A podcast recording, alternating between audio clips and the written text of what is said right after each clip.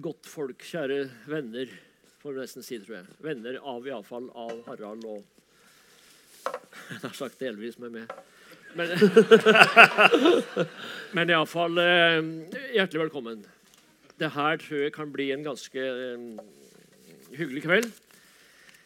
Og eh, tittelen er jo da 'To kulestøter fra Finnmark'. Dermed så får jeg anledning til å si at den ene av dem, altså Bjørn Bang-Andersen, ikke er her. Dermed så får vi ekstra god tid til å bade Harald, og, og sammen med, med Thor her så skal vi bade skikkelig.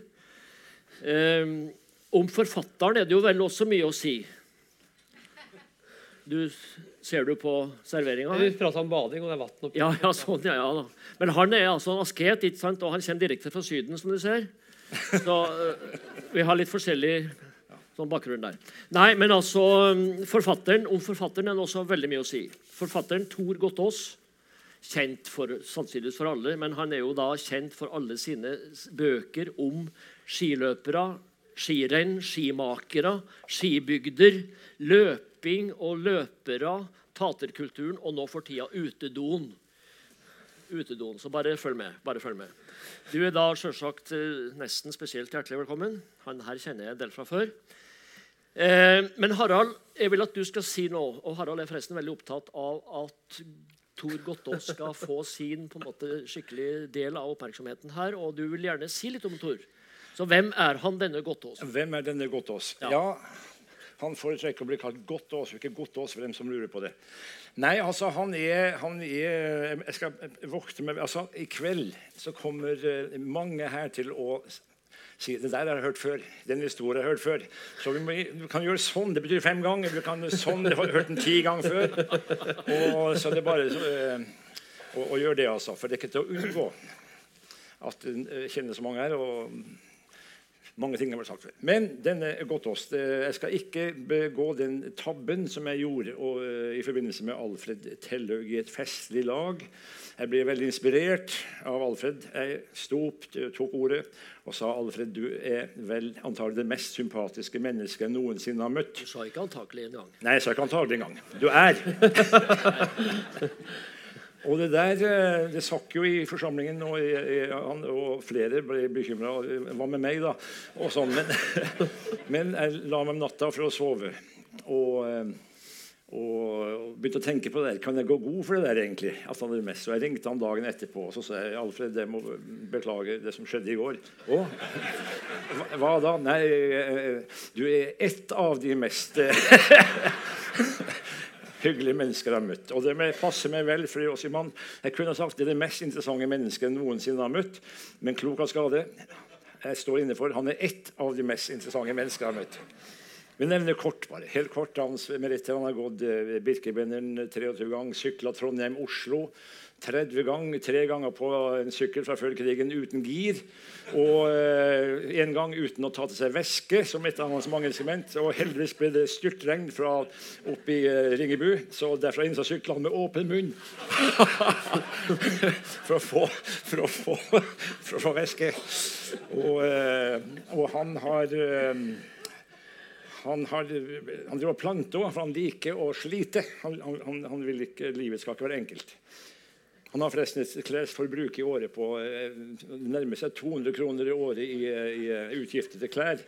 Så han, han, lever enkelt. Men han planter trær, bl.a. grantrær på gammelmåten. Og da skal det ikke være noe så moderne sånn som Sikhull. Han bøyer seg ned, og han planter på én dag 1500, 1500 trær. Og i år har du planta 40 000 trær da, bare i år. Uh, jeg tror snart vi måtte også stoppe. Så jeg tror snart vi måtte stoppe. Skal, hvor lenge skal du Nei, jeg kan fortsette resten Nei, det, det, det, det, er det jeg lurer på. Altså. Ja. Syns, fikk, syns, du at du fikk et godt nok bilde nå? Eller? Det var helt greit. Okay. Ja. Nei, for jeg vet nemlig hva vi har av stoff å øse av. Sånn at jeg tillater meg da å, å, gå litt videre. Men derimot så spør jeg det nå, Tor. Denne ideen som dukka opp altså, om boka. 1. mai i fjor så var jeg ute og løp ganske seint til meg å være. og Så kom jeg hjem så hørte jeg på svareren. Jeg har en hustelefon, fasttelefon, og der var det en kjent stemme. Det var en som kalte seg Reda Lorentzen. Jeg kjente igjen stemmen med en gang. Spydkaster, huska jeg. Eh, og bror til Harald. Og jeg ringte han tilbake, da, og da sa han lurte på om jeg visste noen som kunne intervjue Harald og Bjørn. Han mente at de hadde mange gode historier. og det tenkte jeg, jeg gjør jo kanskje det, tenkte jeg, men i løpet av fire minutter sa jeg at jeg kan jo skrive en bok om de karene hvis noen vil gi det ut. Eh, så sendte jeg, jeg spurte jeg Gyllen sa nei, så sendte jeg en e-post til Erling Kagge. da, og Så fikk jeg svar etter åtte minutter. og Han sa det at jeg har tenkt grundig på saken og snakka med alle forlaget. Vi tar boka, sa han. Åtte minutter. Ja, åtte minutter. Sånn, så, så, så, da tenkte jeg, jeg For jeg, jeg, er jo vokst opp med Jeg er født i 65, og far min var, var faktisk på Tryvingleken i 1960 da Harald var der. Så jeg vokste opp med historier om Harald Lorentzen, og jeg husker jo Bangen. og så jeg huska de kara, og, og, og, vi hadde sjøl kuling bak huset. Vi kasta spyd i hagen. Eh, vi, vi, vi støtte kule først, og så begynte vi å kaste slegge. Jeg og bror min Lars. Eh, og da hadde vi ikke noe slegge, så vi lagde en slegge. hadde en sånn hønsenetting som vi bandt fast. altså roterte brødet mitt noe jævlig, og så løsna kula og knuste vinduet i huset. Da fikk beskjed om å kaste spyd, og da kasta vi foran huset. Men vi kasta så langt at vi kasta over til naboen, og naboen han var sint. Han, kona var død av kreft. Han bodde alene, kom igjen ti og fire fra jobben hver dag. Og så kasta vi spyd, da, og så traff bror min lysledning, og strømmen gikk i nabolaget, så vi slutta med spyd. Så jeg har vært litt kaster, jeg òg. Ja. Altså, vi kommer tilbake til temaet risikoen og episoder i forbindelse med kasting. Vi kommer tilbake til det. Men takk foreløpig. Til, av praktiske opplysninger. Vi har fått lov av Litteraturhuset til en såkalt raus tidsramme. Og Det betyr at vi får lov til å holde på faktisk til over ni hvis vi vil. Men, men vi skal ha pause for salg og signering av bøker. Og så skal det være lov til å komme noen spørsmål og kommentarer kanskje en eller annen gang. Men iallfall så holder vi på så lenge som det er folk her. Så kan heller folk liksom tusle ut i ny og ne når det passer sånn. Men vi har en raus tidsramme, og vi må liksom lene oss litt tilbake og gi oss god tid på det her nå. Ok, Det er salg og signering med klem. Ikke med fyren og klem, men med, men med klem. altså. Første punkt barndommen i Finnmark. Sånn, og Det er jo en interessant side ved det her, altså, denne kulturhistoria og Finnmark eh, etter krigen. Og Harald, hva husker du av det her? da? Hva slags hoved tema liksom, som melder seg her? Du er inne på noe sentralt her. at det er en ting å få skrevet en bok om seg sjøl. Det er jo helt uvirkelig. og Hver og en i salen har jo fortjent en bok like mye som meg, for det, uten å være for beskjeden. Men det, det, som er interessant med boka, det er at det, det er, en, er en tidsbeskrivelse også. Da, for det er tross alt gått en 50-60 år siden den tida han beskriver, og det, og skjer ting på 50-60 år. og Kommer man 50-60 år før denne tida du tenker på nå, så er vi tilbake på 1800-tallet. ikke Så, så det har nok skjedd ting eh, som kanskje ikke dem som er si, ung, nyfødt i dag, vil, vil, skjønne uten at det blir Så den er flott at det blir beskrevet. Mm. Så når det er sagt, så eh, var det jo en helt annen tid. da. Jeg vokste opp i, eh, i, i, i Hammerfest, hvor det var ikke et eneste hus igjen. Og eh, Jeg kom opp der i 1948 som fire og et halvt åring. og og Jeg husker enda den eh, fire, fire og et halvt åringa oppfatter mye. Og jeg er jo så heldig at jeg har, eh, at jeg har opplevd eh, forandringer i livet. Og dermed husker man mye mer enn hvis man levde levd i samme rytmen hele, hele tida. Så jeg husker veldig godt kontrasten mellom eh, Østfold, Kråkerøy og Fredrikstad med kongler og, og, og maur og furu, og opp til det Golde, hvor det lå skipsvrak eh, hele veien oppover med Hurtigruta. Og det, og, og det lå skipsvrak på havna i Hammerfest. og det var, jeg, jeg registrerte også at det var goldt og kaldt, faktisk. Jeg husker det. Så det var nå det, det første møtet med Finnmark, etterkrigs-Finnmark. Ja. Du sa det jo indirekte. Du kom oppover 4 15 år fra Fredrikstad. Ja, jeg er født, født og, og, bodde der 4 15 år. og som Det, det, det sto jo sånn litt for stor artikkel i, i adressa her, og der, der er jo alle, alle, nyheter fortalt. Men jeg, altså, jeg fikk altså tuberkulose som 3 15-åring. Og mine foreldre måtte forlate meg ned der. og en, Den dro til Hammerfest, og jeg lå igjen der. Og merkelig nok altså, så er det akkurat som med krigen og med elendighet. Altså er, I ettertid så har det gjort livet rikere. Altså Krigen i eh, altså etterkrigstida, vokste opp i Finnmark i etterkrigstida, det var en rik tid. Og ikke én av mine venner som vokste opp der, beklager noe som helst. Både i brakker Men altså, det var altså en optimisme en, eh, som, som, som, gjorde at etterkrigstida var en rik tid. Med li, lit, små sosiale forskjeller, samhold, optimisme. Og det å komme ut fra sanatorium etter ett år, ligge i pose, fast fastsurra for ikke å, å, bevege meg. Frihetsfølelsen å gå ut derfra med sin mor som kom nedover, kan ikke beskrives. Jeg skal spørre det også, for Du var jo nå i Finnmark i forbindelse med det prosjektet her, og danna det vel noen inntrykk, du også, som riktignok så mye senere, men likevel? Ja, jeg har vært i Finnmark fire ganger. Tre ganger for boka nå. Vi bodde faktisk i Sjøvegan da jeg var guttunge i 60 år. Jeg husker at det snødde om sommeren og vi holdt på å bli blåst på havet. Far jobba der. Så det er jo et spesielt folk, og det er egentlig et annet land. Eh, Finnmark er jo, Hvis du snur kartet, så er vi langt nede i Italia. er vi ikke det? Hvis du tar det fra sør i Norge, så, så er, Folk prater jo norsk oppi der. Det er jo nordmenn som oss. så det er, ikke, det er ikke noe annerledes. Men det var jo en helt annen verden da, den, som jeg beskriver da. Med, med, med det her, altså, tenk hvordan folk hadde overvint, Noen som var igjen, hadde overvintra. Helt utrolig egentlig at de klarte seg da med enkle forhold. Og Harald kom da til Hammerfest, som så helt bomba ut, eller opprent ut. og Der levde de og, og, og, og trivdes. og det er ikke så lenge siden, men det er så annerledes at det, det er nesten ikke til å tro. Altså. Vi skal indirekte komme inn på det. det. Det er en slags avveining her imellom det veldig interessante liksom, kulturhistoriske ved det her og, og det senere livet som en må avveie. Men vi skal gå litt videre her nå. Men det, er altså, men det, kanskje, det å sette ord på sånne ting det, det er ikke like lett. Jeg tenkte kanskje å si det i en annen sammenheng, men når jeg er i Finnmark nå, da, Ja, ja. så eh, som beskriver eh, litt at det er vanskelig å sette ord på opplevelser og virkelighet hvis det hvis det har vært dramatisk nok.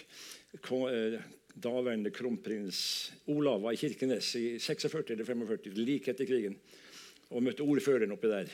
Og eh, kronprins Olav sa han, ja, her har det vel foregått mye rart, bombing og, og, og forferdelige ting. Og ordføreren sa ja, du helvete.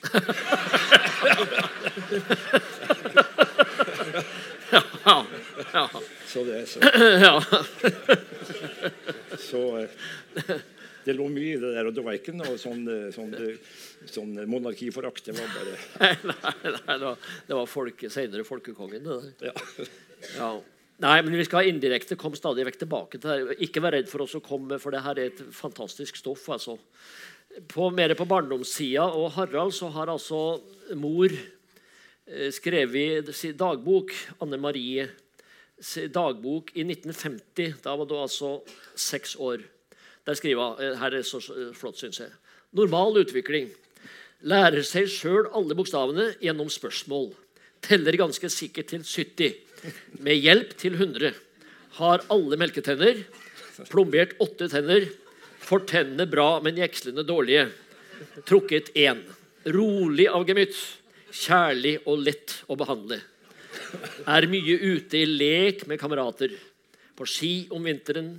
Stor interesse for båter av alle slag. Tegner meget, og da særlig båter. Ja. Det, var, det var den unge Lorentzen, seks år. Ja vel. Da får vi vel over i idretten, da. Ja, Føler de at, at, at vi går noe for raskt i forhold til kulturhistorie og bakgrunn der? Jeg er helt prisgitt Herrens Ja, det er jo det du er. Det er jo det du er. Ja. Men vi, vi, vi, vi kan ta det når det passer. Vi skal jo nå nettopp inn i idrettens inntog i ditt liv i Hammerfest. og Dermed så, så må vi få høre litt om miljøet sånn sett, altså, som bakgrunn for det at du kasta det over kula. Um, den skal vi faktisk snart sende rundt her. Skal vi sende den rundt nå? Du har jo med kula. Ja, det må vi. Ja. Men altså, for, altså Ja, det kan vi gjøre. Ja. ja. Nei, for det, at det er jo ditt møte med kula det her nå som det skal handle om. Her er uten uh, samling for øvrig, ja, den, den, som alle kjenner til replikken, den rappkjefta Oliversen, eh, George Curtis, ikke sant, begynte sin første forelesning med 'Hold en fotball'. 'This is a ball'. Og uh, Oliversen sa 'Ikke gå så fort frem'. This is a kule! Ja, yes, yes. Og nå går jeg fort frem. Ja. Det er første gang det blir sendt rundt ei kule Det er ikke lett, altså. Ja, Send henne rundt. det er flott. Nei, for altså Hvordan oppsto den her kjærligheten til kula? For det første er det helt vanvittig. eh, eh, og, og rarere blir det at man har brukt mange av de sine beste år av sitt liv på å strekke ut en arm og kaste en jernklump gjennom lufta. Og, og, og, tro at det her er om ikke meningen med livet, så i hvert fall veldig viktig. Det, det, var, det er helt uforståelig eh, for mange i dag, men det var ikke så uforståelig da. For i, friidrett var eh, noe helt annet. Vi kommer tilbake til det. Det var noe helt annet. Hoppsport var noe annet. Ski, eh, Uh, Skøyteløp og noe annet som vi vet, og friidrett hadde en helt annen status i den tida. Så det var en etablert idrett. Så jeg kunne ikke tenkt meg å valgt en idrett som bestod i å kaste en, en, kaste en pingpongball for eksempel, og satsa mange år i mitt liv. For pingpong, pingpongballkasting var ikke noe idrett. så det har, ikke, det har, jeg ikke kunnet finne. Men kulesøt, så rart det er for mange, så var det en idrett. Og dermed var det en måte å, å, å, å få eh, noe å gå inn for. Men så var det også noe med at altså Hammerfest i 19 altså etter krigen. Det var ikke mye idrettsarenaer og grasplener. eller altså, Det var gata og, og steinøra der du kasta stein. altså Det var mye som lå til rette her. Fjerde, til forkasting, mener jeg. Forkasting. Ja, ja, i det hele tatt fysisk aktivitet det lå det veldig til rette for. Ja. I, I, alle kystbyer i Norge. Ja. Kanskje innlandsbyer også. Brumunddal. Ja. Det, det var fjell, kaier, fjære alt. Vi må føre om Blåbærdalen, da. Altså denne arenaen der oppe i, oppe i fjellsida der. Ja, der foregikk jo ganske mye i Hammerfest. Det er jo like bratt som fra opp under denne i Holmenkollen. Og Der gikk vi opp altså flere somre. Vi hadde en, en, en, en ambisjon om å bygge fotballbane med sand nedenfra byen. Og vi gikk med to åtte, ni, ti, elleve-åringer gikk med ei bøtte i hver hånd opp der under denne i Holmenkollen og for å tømme i ei myr. Vi skjønte ikke myras vesen. Og at eh, sand har en tendens til å forsvinne i myr, det skjønte vi ikke. Så vi ga ikke opp. Det var snakk om Sisyfos-arbeid, altså. Hvert år. Men så det ble ikke noe. Men vi hoppa på ski der, og, og vi kasta stein ned i fjæra, da, som sagt. Og det var det var, eh, det var, ikke det det sto på. Arenaer. Nei, nei. Og du, du, du, har jo hatt anlegg for å anlegge diverse idrettsanlegg, kuleringer og diskosringer. Det skal vi komme tilbake til. Men han har hatt denne entreprenørholdninga til, til, idretten altså i seg. Eh, ja eh, Du, du merka tidlig altså det her med å flytte rekorder og, og merke av og når du har framgang og, og, og den her livet i gata der. Ja, det er altså merkelig. Det, blir, det, slår meg stadig vekk. I sommer fløy jeg fra over, over Tyskland og ned til Frankrike. Nei, hvor lenger òg, kanskje. Det var helt ned til Husken husker ikke hvor det var lenger. Men vi fløy over Tyskland, og da var det jo by på by på by på by. Og likevel tenkte jeg du verden så få som Strekk ut armen og kaste kuler. ja, ja. Hva er det med dem? Og, og, hva var det med meg som, som, som, som ble bitt av det her? altså? Så, så er, det, det, kan hende at vi nærmer oss en slags uh, diagnose. altså, at, at, at uh, i og med at så få gjør det, og jeg holder på med det, og at vi er få som driver med på det. Vi, vi har en, en, en diagnose, antagelig. Og, for jeg ble helt hekta tilfeldigvis, og det viser hvordan verden kan bli forandra. Liten tue vel til stort lass. Her var det en, eh, en stein som forandra et liv. Det var en stein i, i gata. og kompisen min hva, hva, skal vi finne på i dag? Og så prøvde vi å kaste ned støtende stein. og Så ble det et merke i gata, og så satte vi et strek. Og det var nok til at, eh, at, at, det var gjort. Jeg ble en strekflytter. For neste dag gikk jeg prøvde å flytte den streken. Og klarte det. Og idrettslaget heter altså Stein. Stein Hammerfest. Stein Hammerfest. Ja. Så jeg fortsatt med det. Flytte strek. Og det er sannsynligvis som du sier, det er for å finne mening i livet.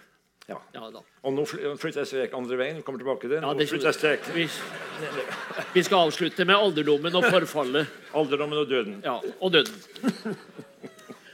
Nei, men uh, far Ludvig, som det er slekta, har jo møtt opp her. Det er flere fra slekta som vet hva vi snakker om når vi snakker om Ludvig. Uh, han heter jo Harald Ludvig også.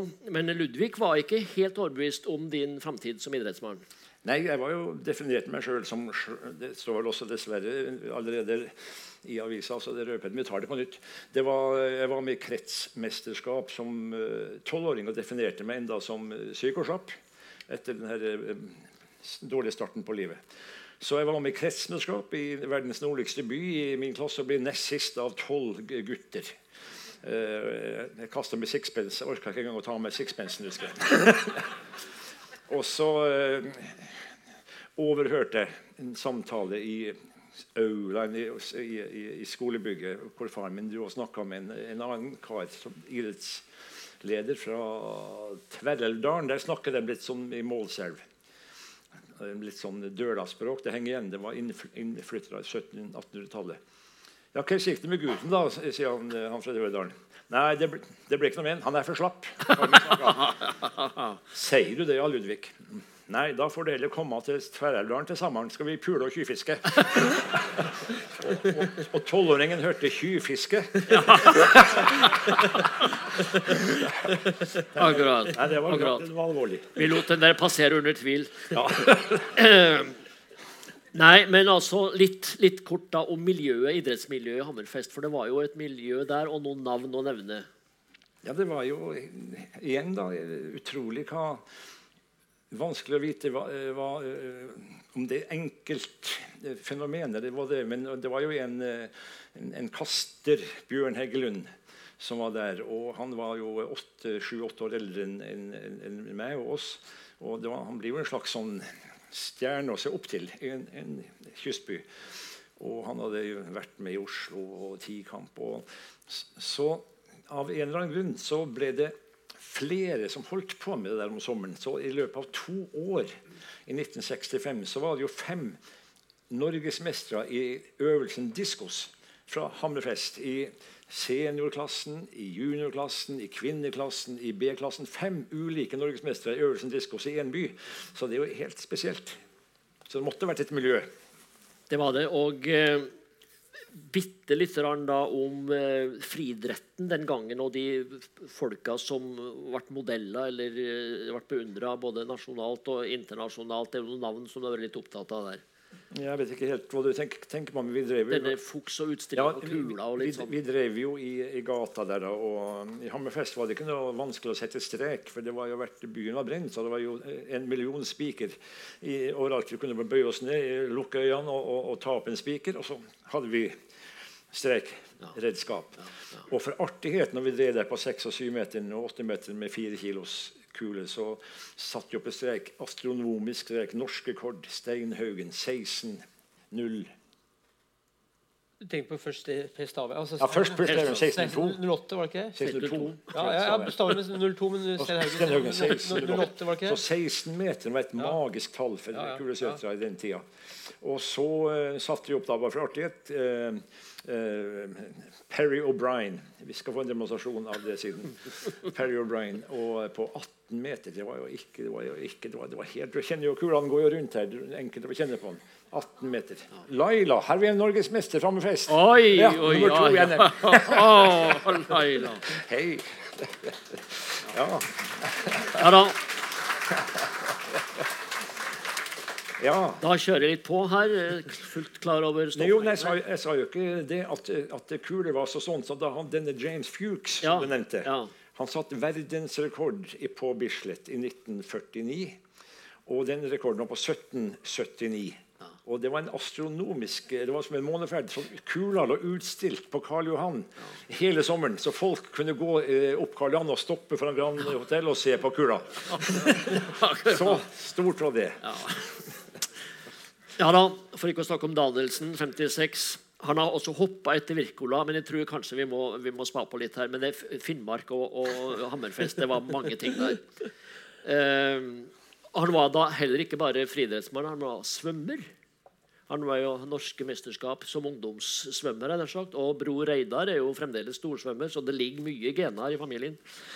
Ok, Du har vært litt opptatt av at det finnes noen sånne vendepunkt og noen veikryss i livet der det går opp for det. og, og altså, hvor, eh, Vi har kanskje snakka om det, men altså det at det utvikla seg sånn som det gjorde. liksom. Har du noe mer å si om det? Det var en blanding av av min uh, sære syke og den steinen som lå i gata. Verre var det ikke. Nei, verre var det. ikke. Nei, da hopper vi til Trondheim. Og der kommer jo gjennombruddet. altså. Der flytta han da inn på hybel i Sverdrups vei, der det står 'Lovd utsikt over fjorden'. Jeg vil gjerne at du skal fortelle om denne utsikten over fjorden. Ja, jeg, jeg skulle bo på hybel 15 år. Det tar jo tre døgn med Hurtigruta fra Hammerfest. Og, og jeg hadde jo eh, hadde ikke så mye med. Jeg hadde ikke så mange ting i den tida, men jeg hadde kule med meg. I en, eh, et, en bærepose. En kule på faktisk ikke fire kilo, men sju kilo. Den kula som går rundt her, samme tyngden hadde jeg med. Og, eh, og det sto i eh, hybel... Eh, at det var hybel på Byåsen, utsikt mot Munkholmen. Så vi slo til. Full pensjon. 300 kroner måneden. Og jeg kom opp dit, og det viste seg at hybelen den lå i en vaskekjeller med sementgulv.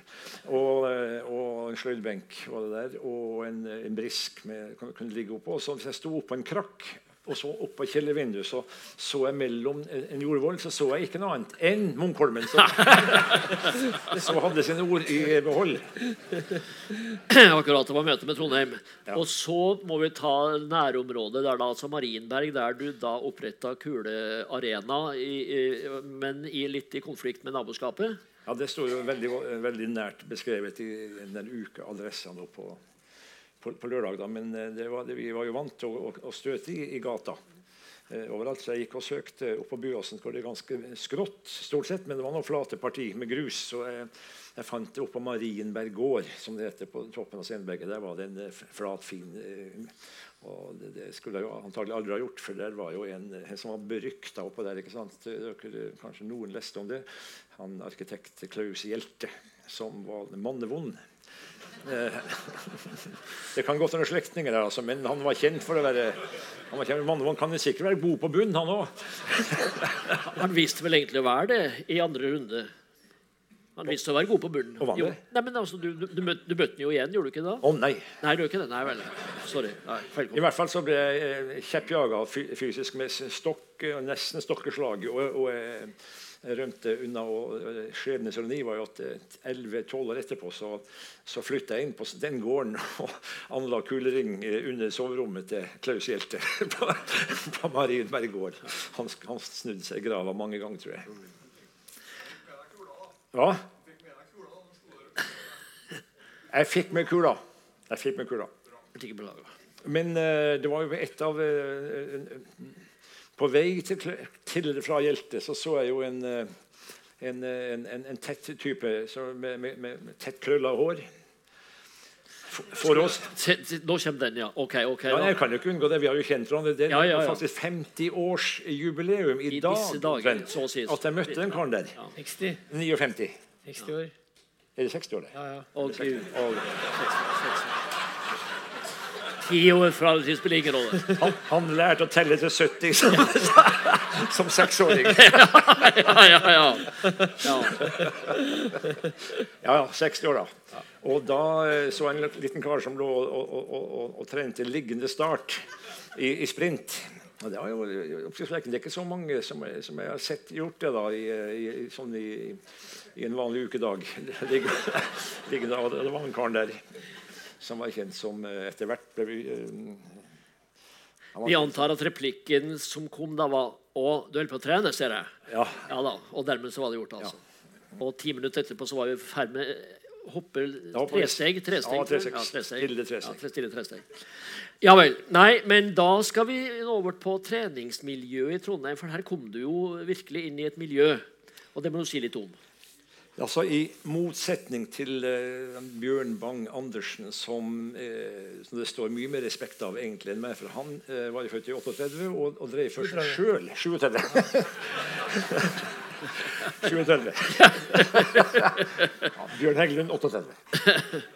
Han drev for seg sjøl i Kvalsunddalen der, og, og ingen eh, han, han, han, eh, og, og flytta til Vardø som 14-åring. Og, og drev der for seg sjøl. Og så dukka han opp nesten som trollavæske på Bislett i 1960 og kasta 16, den magiske 16-meteren. Og det var en, en, et lite jordskjelv for oss som var interessert i, i, i kulesøtt. Uh, så jeg var mye heldigere. I Hammerfest da hadde uh, jeg var født tidlig på året, i januar, og alle mine kompiser var, var ett år eldre. For det første, og De var interessert eh, i, eh, i friidrett, og vi støta og var helt jevne. De var litt bedre meg, nesten alle sammen. da, som er nevnt.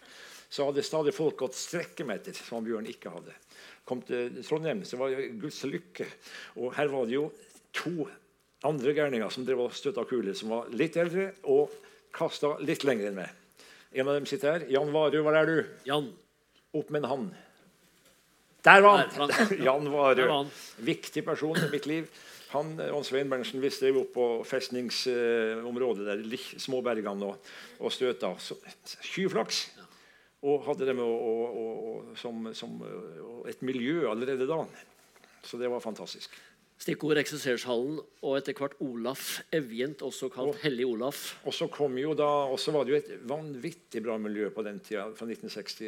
En, han, som het Jon Skjervold, eh, legendarisk friidrettstrener, drev trening opp på, opp på eh, Singsakerskolen.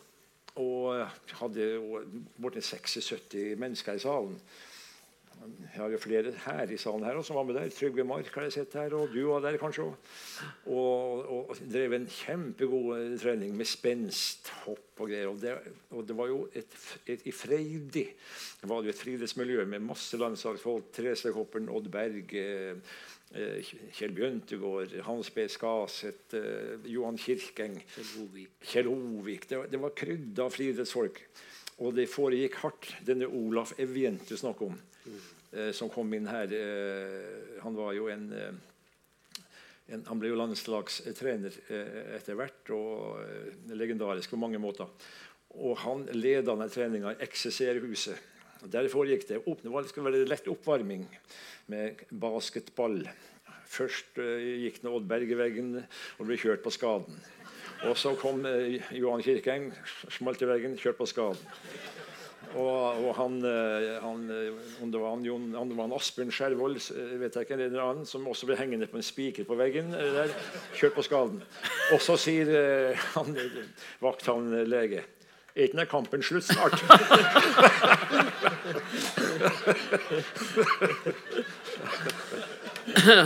ja, ja. Ja. Eh, vi nærmer oss jo da liksom det første gjennombruddet som er notert her i boka til 1959. Da tror jeg vi er klar for kveldens første filmklippsnutt. Må vi kanskje flytte oss slik at du kjører på skjermen der? Kjenner du? Nettopp.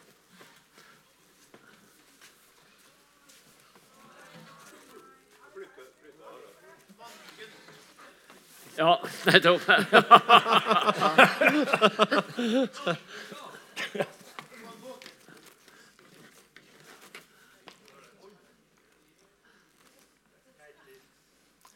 62. Og der passerte 16 meteren for første gang.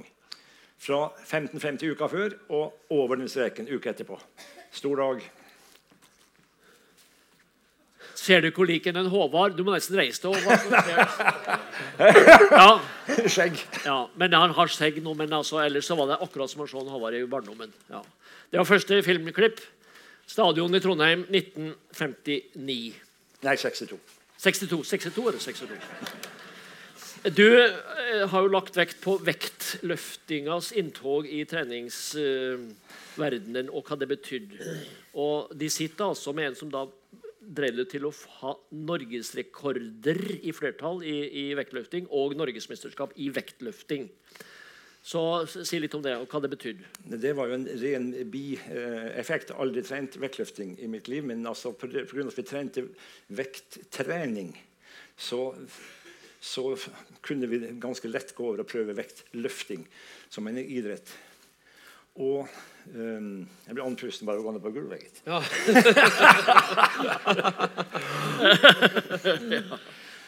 Og det, det var jo altså en uh, revolusjon, intet mindre, på slutten av 50-tallet. 57, 58, 59, og i hvert fall i 1960, at, at kastere særlig, også andre frihetsfolk begynte å, å trene med belastning. Det hadde de aldri gjort før. Så kastere eh, fra, i, i Berlin i 1936 og OL der i 1948 i London de så ut som vanlige folk, holdt jeg på å si. vanlige arbeidsfolk. Eh, Du er litt opptatt av, av, av kroppstype utvikling. Ja, skal vi ta det nå? Thor Tor har vært litt interessert i det. Og vekt. Ja, for at I 1960 så var det jo veldig mange, særlig mannfolk var, Norge var slanke generelt. og det var ikke mange som veide over 100 kg. I dag så veier jo annenhver mann over 100 kg eh, i Norge. Eh, og, og det var jo sånn at eh, veldig mange var slanke, og idrettsfolk spesielt var slanke. og det å være, Sånn som Harald veide jo 104 kg, etter hvert 114, var det 114 på det meste. Ja, på det meste. Personlig Det, det er jo ekstremt. Du ser, jo- husker, vi husker jo vi- skuespilleren Willy Hoel, som var regnet for å være jævlig feit i 70 og Vi ser bildene i dag, så ser han ut som en vanlig politiker. Altså, i dag. Så, så det, var, det var det å være velfødd var ikke så vanlig etter krigen. Så kom det to kulestøtere. Bjørn han var ganske slank. Han veide jo ja, veide 92 lenge og, var jo 1,84. Veldig atletisk. Og Harald var jo nesten litt rund i kjakan og, og idrettsutøver. Så det, det, var ikke mange idrettsfolk. Sverre Strandli, f.eks., slegekasteren, var jo heller ikke feit, men han var da litt lubben, så litt lubben ut. Og det var jo ikke eneste var bobsleikjørere i OL i vinter-OL. De var litt feite. Så det kulestøter var en ny mennesketype da, som kom opp i 60-åra. Eh, som da trente vekter. og som hadde, Harald hadde jo mulighet til å ete en god del biff etter hvert. Så du, så du fikk altså da folk som var så velfødde ut eh, det, det var en, Kastere var en ny type mennesker i, i det slanke Etterkrigs-Norge. Og Det var det motsatte vekst, vektproblemet. Du skulle opp i vekt. Jeg skulle opp i vekt. Sånn Derfor så fikk du da stipend fra Norges eh, friidrettsforbund for å ete biff. Kom igjen. Ja da, men det var det der med, med, med, med vekta, ja. Og ble, det kommer et lite kutt her kanskje om det. At jeg, at jeg sier uh, Det kommer snart nå. Vi kan for så vidt kanskje ta det nå, ja.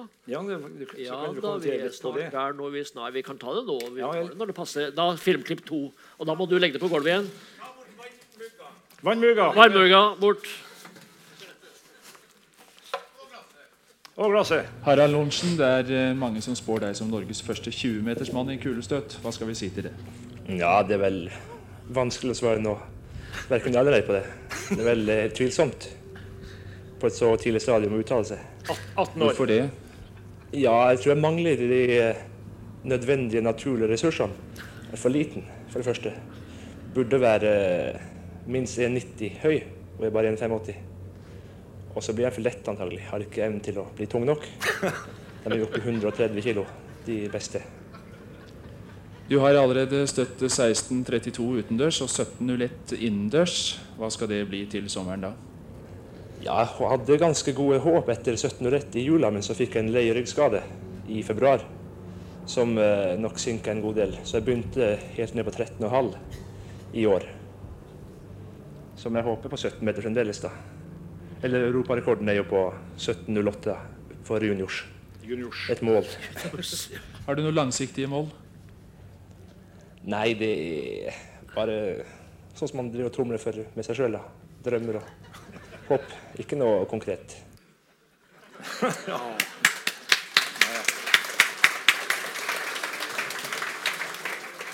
Det er makeløst opptak. Jeg sendte det til dattera mi, som kvitterte med følgende kommentar sjenanse og verdighet. Det er helt presist. Dag Solstad kommer neste uke? er det sånn? Og Dag Solstad kommer her i neste uke. Nå kom da fredag kveld i neste uke. Men ja. Eh, jeg må ikke helt ja, nei, med, med, med, det her med, med vekttreningas inntog. Altså det, det, det, det, revolusjonerte. så man, man, gikk altså Akkurat som Fossberg i flopp revolusjonerte høydehopp, så revolusjonerte vekttrening i enda større grad eh, resultat i kastøvelsene. Altså. Det ble en helt ny mennesketype. Og, um, og, og, og det ble sagt at at, at, at, at, det var lubben i kjakan. Jeg så litt, jeg husker Jan Varø her bak. Han gjorde litt narr av meg, for jeg så, jeg så, litt ned her. Og, og da syns de at jeg så veldig sånn lubben ut. Jeg syns ikke det var så ille nok sjøl. Men, men, det viser bare at Det var verre da du kom tilbake fra USA. Nei, altså det er ikke så ille. Vi så noen flere bilder. Og jeg, jeg satt i, i, oppe i Hammerfest. Uh, i, i, voksen alder, og så, og så kommer det en, en såkalt en dame, en voksen dame bort. 'Nei, hvor hyggelig at du er i, byen.' 'Nei, er det Harald eller er han Reidar?' sier hun til meg. 'Nei, det må nå være han, han, han, han Reidar', sa til meg. For han Harald han var jo så feit. og da måtte jeg bare Ja, ja, ja. Jeg snakka med han i går. Nei, det var sånn at, eh, at, at den kroppstypen eh, ble så forandra at at uh, når vi ser på, som sagt, på kule søt fra Berlin, så er de helt vanlige. Og jeg, med, mine personlige rekorder så, Det er ikke for å skryte, men jeg, jeg ville ha vunnet tredobbel olympisk kuledisk og spyd i Berlin.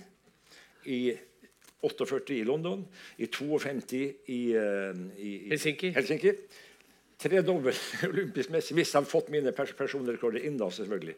Og i, og i, Melbourne så ville jeg blitt nummer to etter legendariske eh, Egil Danielsens spyd og fått eh, to gull i kul og diskos. Enda 56. Og så ble alt forandra når vekttreninga kom inn for fullt. Ja, Og en del andre ting. Ja, det kommer til, tilbake. tilbake. Ja. Nei, det skjedd ting da. Eh, men så må vi så vidt innom USA. da.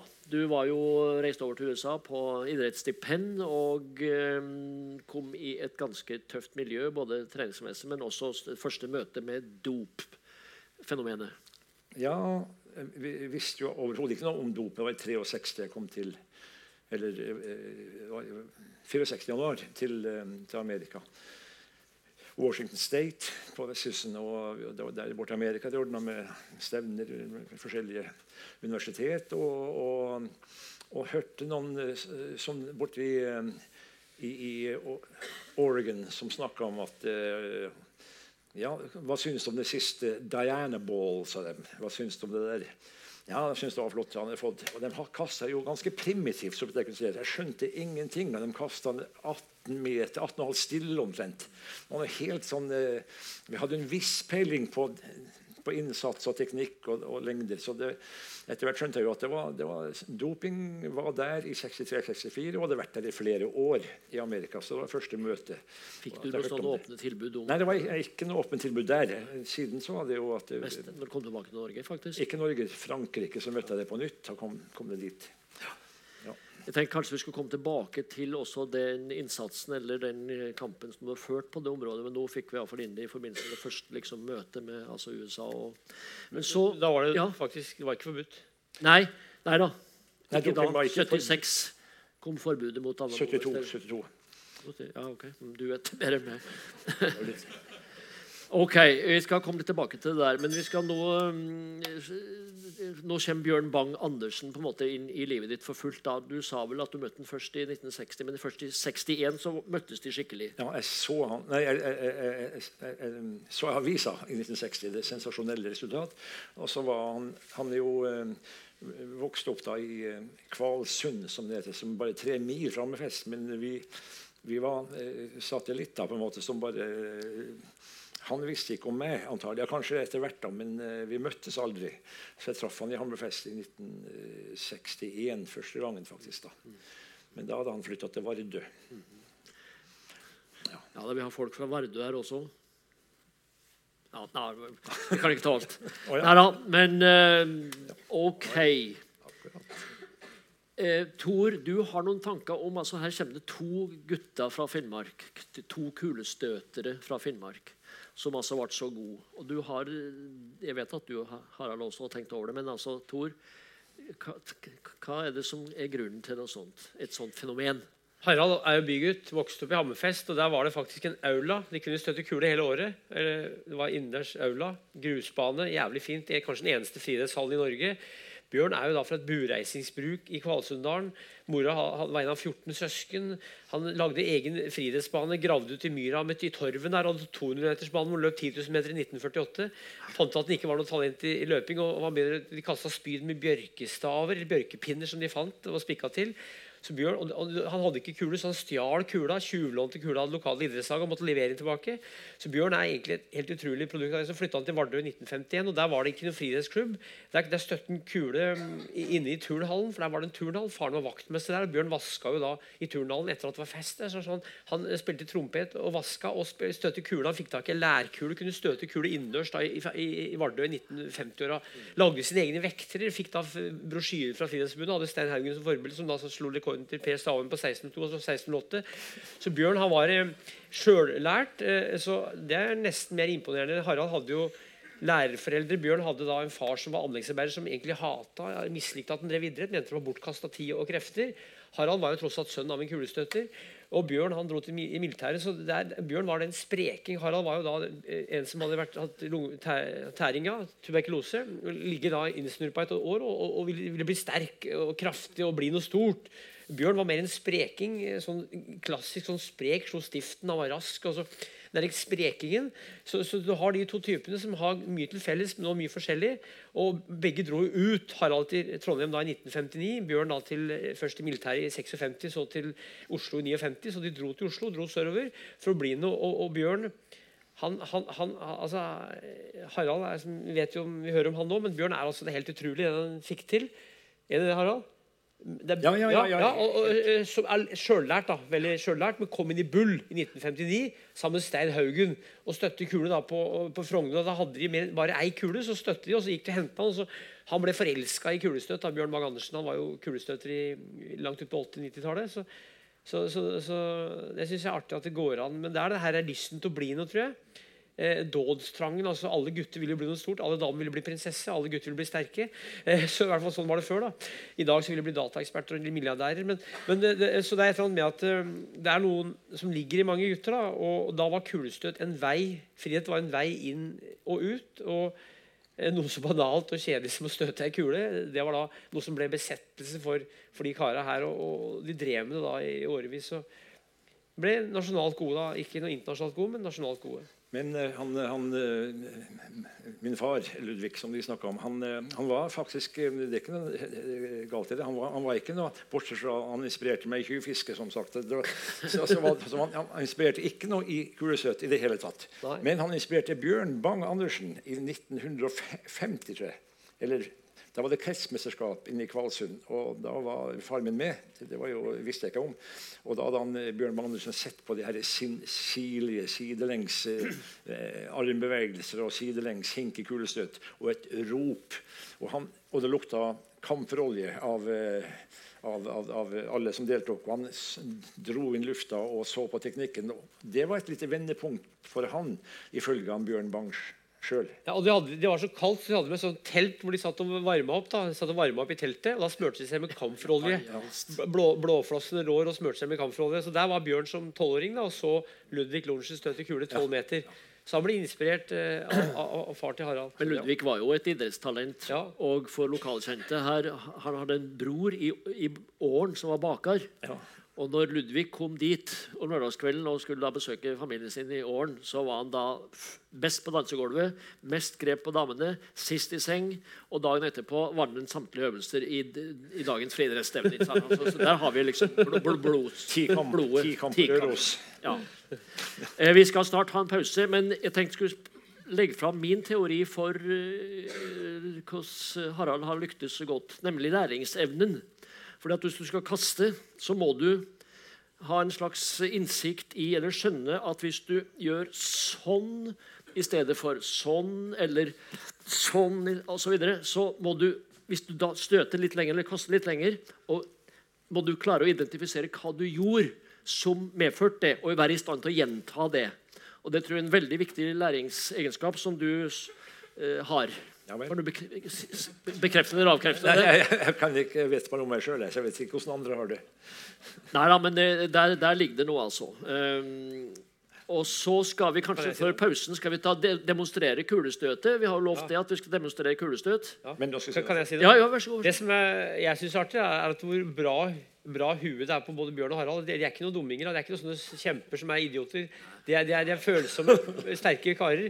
Som, som er, det, er omløp oppi huet, da. Ja da. Eh, Så, det, så det, du må ha litt omløp i huet for å støte ei kule òg. Jeg har i grunnen tenkt Jeg har tenkt den tanken der, jeg også. Ja, Ja. Nei, men skal vi før pausen Nå har vi jo selvsagt kulestøtere her i salen som kunne delta her. For nå skal vi først få demonstrert, og det er Tor Gottaas som skal demonstrere. Ja, men Først må vi si litt om, om, om det er en viss utvikling, teknikk. Ja, det er det jeg mener. Ja, Ja, skal vi ta det før ja du, du tar typene. Ja. Ja, vi Jo. det før pausen nå. Kulestøt. Vi går tilbake til det gamle Hellas. Nei da. Kulestøt foregikk jo helt til 1955, kanskje. Så foregikk det sidelengs hopp. Ja, da får jeg demonstrasjon. Brian var ikke han med 52 støtt? Ja, han hadde han begynt baklengs, da. Ja, Det 52, kommer ja. som fase to. Men han, eh, nå, så nå skal jeg sjøl kanskje til og med For jeg er jo litt Ja, kan- ja, det ville vært beste. og art, artro, artrosisk, så jeg klarer ikke å hoppe sidelengs engang. Så jeg støtter meg. Før, sånn som min fader da, i, i Kvalsund han, det, det, Kulestøtet var et, et syn. Vi, vi lå der og skjønte ikke hva som lå bak den mystiske bevegelsen. To kula la den her, og, og, og hendene var sånn i starten. Og så var, gikk foten ut. Sånn, den sto lenge sånn.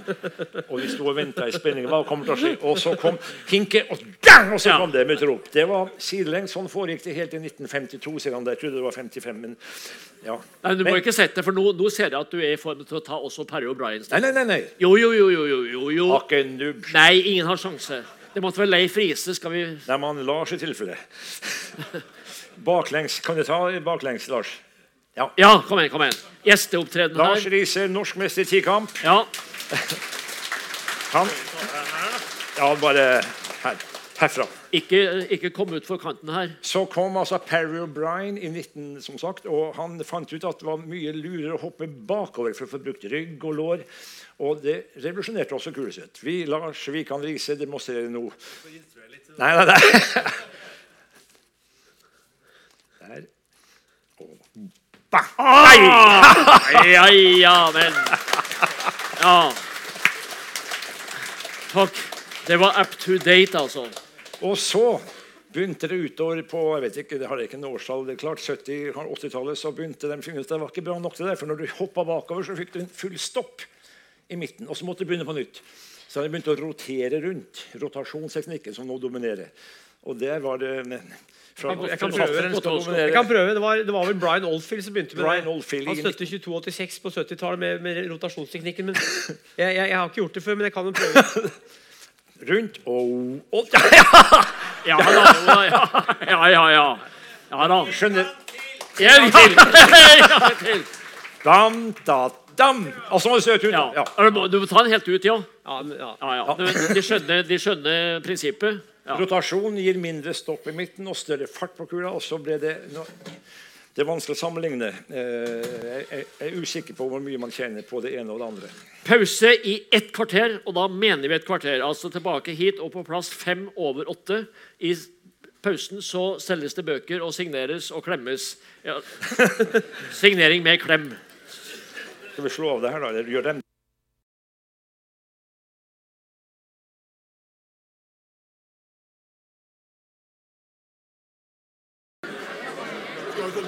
Er vi inne? Der er vi inne. Hallo. Nå skal vi komme i gang. Det blir mer salg og signering og klemming etter, etter hele greia. Men nå må vi komme i gang. Så innta plassene.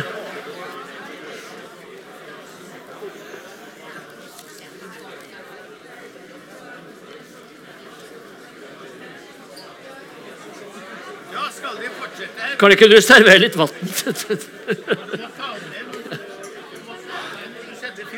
Ta, sett ned. Takk, takk, takk.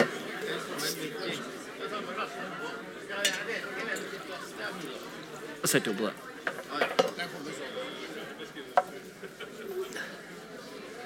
Lorentzen og Gottaas til eh, sentralbordet.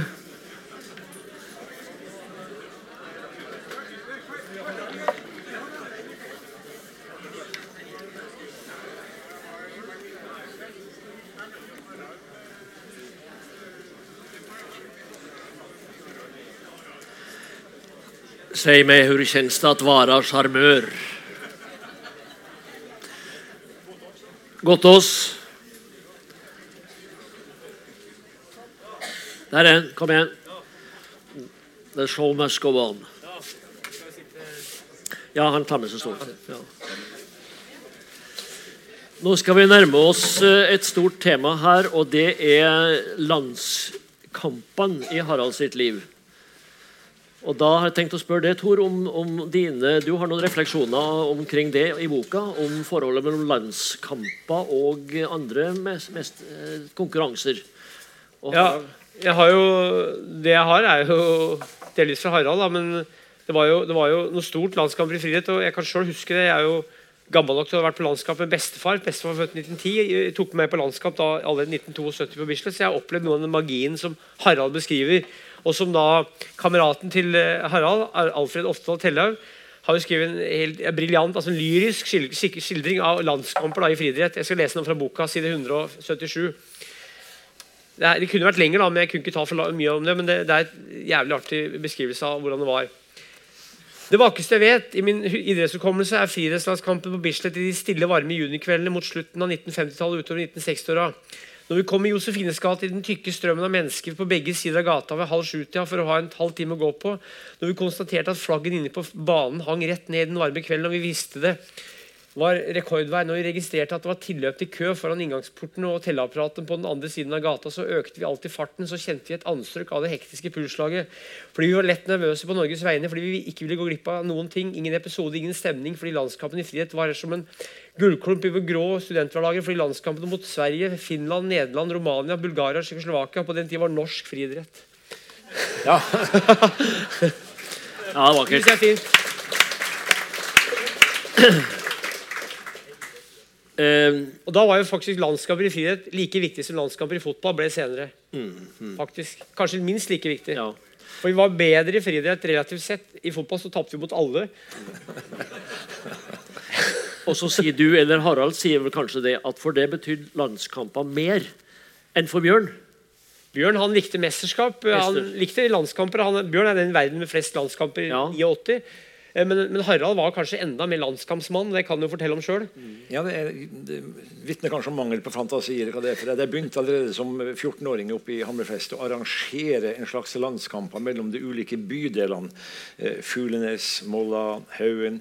Og med full deltakelse, tre mann i hver øvelse, og med poenggiving og, og, og, og resultat etter første dag. Og det sto 60 meter, ca. 8-6. Vi tok med Almansur.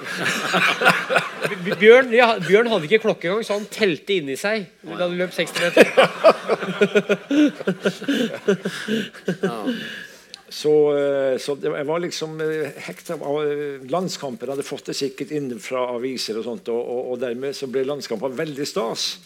Og det, var, det er noe helt eget med landskamper. Friidrett er jo en individuell idrett, men landskamper så er det jo Da er vi et lag. Eh, og og det var artig å følge med om eh, en som var Det var jo veldig mye analyser på forhånd, akkurat som på skøyteløp. Hvor godt kom vi til å gjøre den og den øvelsen, og poengforslag. Og hvis en eller annen eh, som var dømt nord og ned på forhånd, gjorde det godt og fikk poeng, så var, så var det stas for resten av laget også. Så det var en lagånd ute og gikk som, som personlig satte veldig pris på. da. Og det her var like etter krigen, og Bjørn fortalte åssen det var da. Han hadde jo trent alene under fiskegjelden oppe i Vardø. Kulestøt og egenlagde vekter. Så kom han da i 62, altså i Beograd, og var flaggbærer for den norske troppen. da, Sammen med Sverre Strandli og Jan Gulbrandsen og Bassen Bunes. Så det var jo helt enormt. For Bjørn å ha det norske flagget og landslagsdrakt, det var et eller annet med patriotismen som var enormt for de her kara her. Som kom fra litt ja, øvre strøk da, nordlig, nordpå. Jeg var på landslaget. altså, det var, det var enormt. Hadde hørt på radio, Landskamper på friidrett var en stort, stor radiounderholdning. Folk hørte på radioen. Landskamper i friidrett. Men i det hele tatt, det å komme nordfra og, og til å eh, bo sørpå Det høres nesten ut som André Bjerke om Søren sørpå som var nordpå. Og, eh, nei da, men altså, her er det Søren nordpå som kommer sørpå. Ja, sånn det, ja. Ja, men eh, det var litt av en eh, historie, det også. Det var jo sånn, det var, var jo ikke noe særlig innvandrere i Norge i tidlig 60-tallet. Og i Oslo og Trondheim også, så var det vel nesten det å prate fin, nord, nord, nord, nordlendinger. Bestefaren min var jo fra Nord-Norge og flytta fra Bodø til Oslo i 1930. Han la jo om språket, for at eh, han prata med bodøværing i telefonen med søstera si og brødrene sine. Da, men kunne ikke prate nordlending i Oslo eller finnmark. Det var, Bjørn sa, sa at er det isbjørner her? altså Lukter det isbjørner? Altså, du- altså, det var et eller annet med at det, det var datidas eh, Ikke hatobjekt, men datidas hakkekyllinger ofte. da, eh, Kunne være sånn, i hvert fall sånn pga. språk og dialekt. da. Vi har jo hørt masse sånne historier fra folk som har opplevd det. Altså, men jeg husker jo annet eh, han, eh, Reidar, min bror, minte meg på da vår mor skulle møte kongen eh, på Slottet i en eller annen sammenheng. Og ville da kjøpe seg en ny kjole på en eh, bedre eh, sånn forretning i Oslo. Og kom inn da eh, litt og snakka nordnorsk. Og ble målt opp og ned. 'Jeg tror ikke vi har noe for dem', Oi, oi, oi, oi. sa Så måtte jeg ut derfra, da. Da var vi på Stortinget. Stor, ja, på Stortinget. Ja, ja. Statsråd og ja. var stadig vekk det. For å forlate landskampen så skal jeg da supplere med å si at hvis Bjørn Bang, eller for, når Bjørn Bang er nummer én i verden på antall landskamper, så er visstnok Harald nummer to. Hvis, legg merke til for, for, forbeholdet 'visstnok'. Det er litt usikker Kan statistikk. være der. at eh, Gaston Roland Gaston Roland svever omkring der i kulissene. Kan jeg få vise bilde av Bjørn, eller? Ja, nå skal bli Bjørn Bjørn. han, altså, var jo spesielt, for han var jo veldig mager i ansiktet. Harald hadde litt sånn bollekinn og så litt sånn halvfeit ut. Ja. Men, eh, Men Bjørn han, Bjørn han var jo altså mager og veldig flott kar. Fint på bølge. og her er et bilde av Bjørn i 19, jeg har ikke, her er 1962. Her er han 1,84 veier 92 kilo. Altså det er et, eh, veldig fint, det er nærmest som en gresk gud. altså Bjørn Bang-Andersen da, på Bislett 1962. Og Her er bildet bilde av han da, eh, eh, i 65 i Njårdalen. Vi ser balla så vidt her. Eh, det er altså en skikkelig atlet. altså sånn som, sånn Du som har ikke det bilde av Lorentzen der? ja, ja. Jo, Harald òg. Men, men, men poenget mitt var at Bjørn han, han, han, var- han så nesten sånn mager ut. altså Olav Evjen sa vel det at Bjørn var for tynn, sa han ikke det? Han måtte Ja. gå opp i vekt. Ja. Men Bjørn tror jeg ikke likte å ete så mye, likte ikke å legge på seg. Hadde ikke lekt, og Det var jo ikke så mye mat å få, så det var ikke lett å legge på seg. Nei, nei, nei. Ålreit. Vi skal litt inn på stevne... Nei, men først skal vi ha en filmsnutt. Vi skal ha nå norgesrekorden. Den, eh, når Harald omsider tok norgesrekorden fra Bjørn Bang-Andersen. I en ubrutt rekke, vel også både i forkant og etterkant. Nå skal vi ha det støtet som brakte Men det Harald viser også da hvor mye folk Så- var på en landskamp. Ja. Nordre Sving. ja. Nordre Sving, Bislett, 1967. Det var det, der har vi det var det beste støtet i mitt liv. Akkurat det støtet der. ja, tenk på det. Lenger kom jeg aldri. Jævlig tøft. Så jeg var ganske konsentrert akkurat der. Og masse folk som fulgte med. Faktisk. Det er slips bak. Folk har slips, er det Ja, slips. slips. Legg merke til den venstre armen der.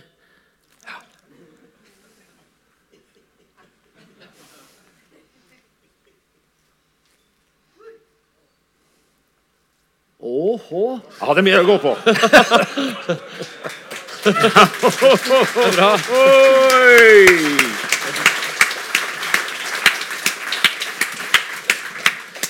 Ja, ja, ja, ja.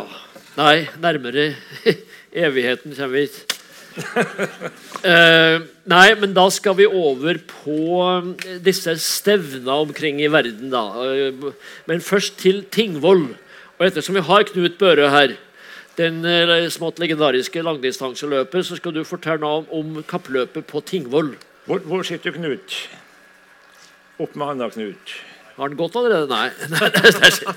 Er Der sitter han. Ja. Knut første nordmann under 28 på 10 000. Jeg kan si det Første nordmann under 30 på 10 000 var Martin Stokken fra Snillfjord. Og så Første under 29 var Odd Førglund fra oppi her. Selbus Selbustad. Så det er jo tre trøndere Ja, ja, under ja, ja. 30, 29 og 28. Det er ikke så mange som vet det. altså. Tre Ikke overraskende. Nei. Ok, Nei, på Tingvoll-lekene. Tingvoll vet du, der, der var det jo en, en, det var fantastisk hvordan en lokalbefolkning, lokale ildsjeler fikk til altså et internasjonale stevner hvert år på Tingvoll. På, og, og der kom jo folk fra hele verden.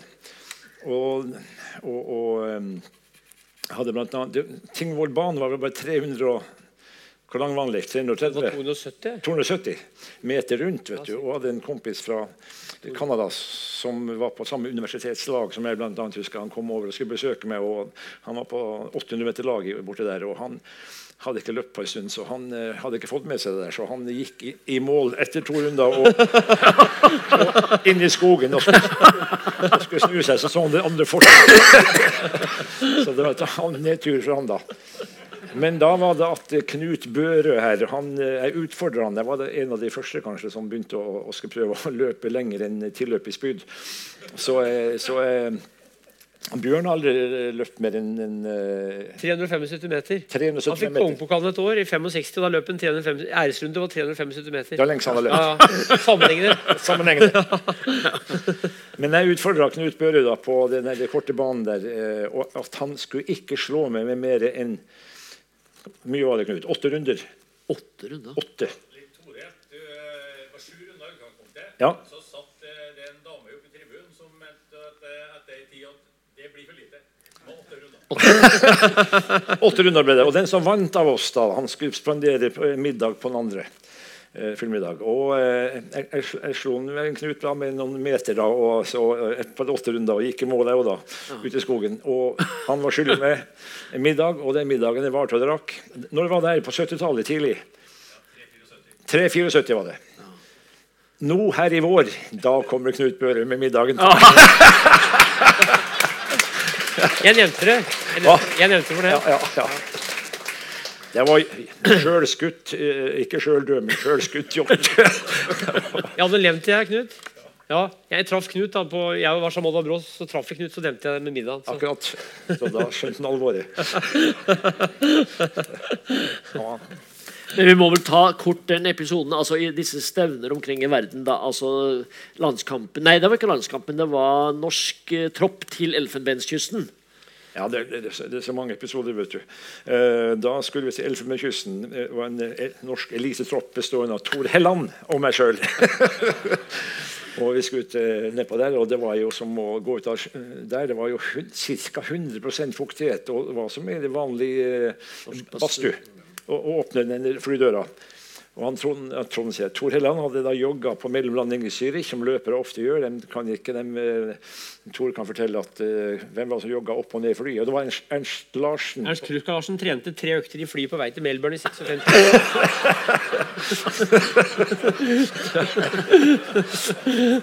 Og, og som han, eh, Tor Helland han fulgte opp tradisjonen. Han, eh, han Ja.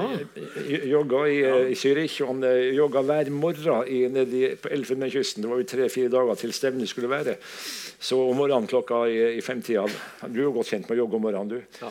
Eh, Da eh, jogga han, da var ikke så, det var ikke så varmt, så da jogga han og, og, og forberedte seg til 5000 nedi i lang reise og masse forberedelser. Og var det store dagen kom, men da var det jo ikke fem-seks om morgenen. Det var jo klokka ett-to på dagen, og da var det jo igjen 45 varmegrader og, og badstue. Så Tor Helland han sprakk etter en og en halv runde.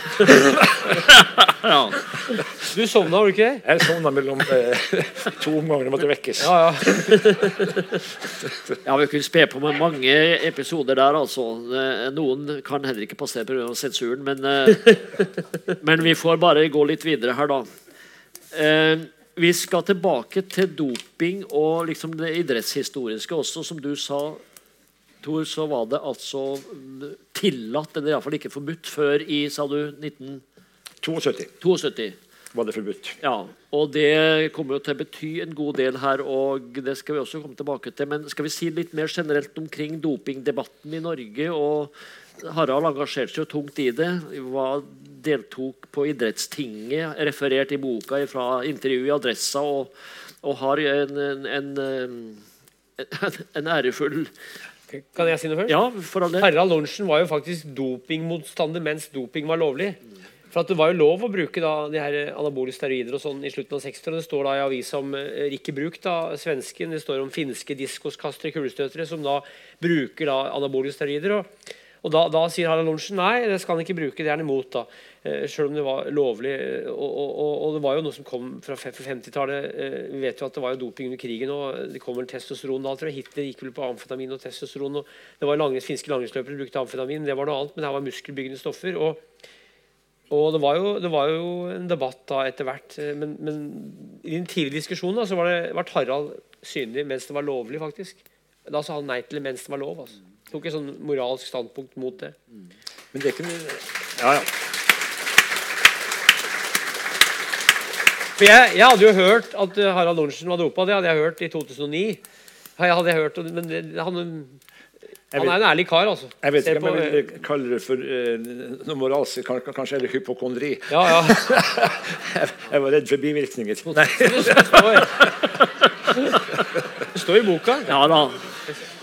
Men, eh, nei, men det, det, det, det, er ikke et vondt ord å, å si om dem som dopa seg. I hvert fall ikke når det var, når var eh, lovlig. For det, jo, ligger jo i menneskets natur og i norske folkeeventyr. Det står jo der um, krokka bak skapet og Askeladden eller hvem det er, den tar seg en slurk og kan slåss med drager og bli sterk. Og det er jo en sånn iboende uh, sånn nesten arketype. Og Asterix og, og greske helter. Og, så, så det er kanskje det som er mest naturlig, hvis man har mulighet til å, å, å ta en shortcut. Kan jeg lese det som står her? Ja. Her er en uttalelse fra Harald. da. Hvorfor har, har da jeg og flere med meg avstått fra å benytte oss av doping? I mitt felle, tilfelle ikke pga. moralsk prektighet. Kanskje en forklaring kan være det at jeg så det som eneste mål og eneste mening med idretten var å se hvor langt jeg kunne drive det med treningsmetode og teknikk. Skulle jeg få fremgang ved hjelp av kunstige medier, ville jeg ikke få svar på dette. I tillegg var det også nok en underliggende frykt for ukjente bivirkninger av å skulle innta slike medikamenter som man visste lite om. Ja. Det var Ja. Så, øh, så, øh, men så ble det en annen situasjon selvfølgelig når det ble 1972.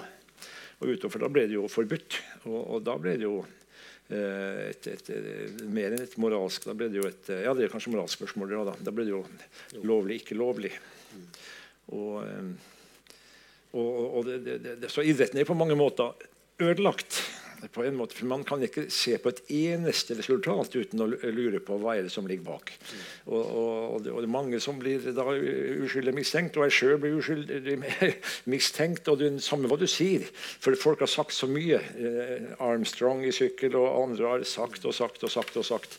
Så det, du, du, kan jo liksom tenke å si noe som helst, men eh, sånn eh, det har altså ødelagt utrolig mye. Så idrettens uskyld har vel gått tapt da, eh, fra, i hvert fall fra 70-tallet. Harald var en pioner, for han reiste rundt og var på foredrag. og sånn, og Før egentlig Frihetsforbundet delvis tok det på alvor, for de visste jo ikke hva som foregikk. Det visste jo de aktive mer enn de som var pamper da, eller ledere. så Harald var en sånn Det er sånne referater til diskusjoner i 3-8 med var det Otto Ulseth og Harald Lorentzen, noen som sitter og prater om doping som et problem. og og så vet ikke ledere helt hva som foregår, for det er jo da i Øst-Europa vet vi hvordan det var. det vet vi jo senere, og USA var jo like ille.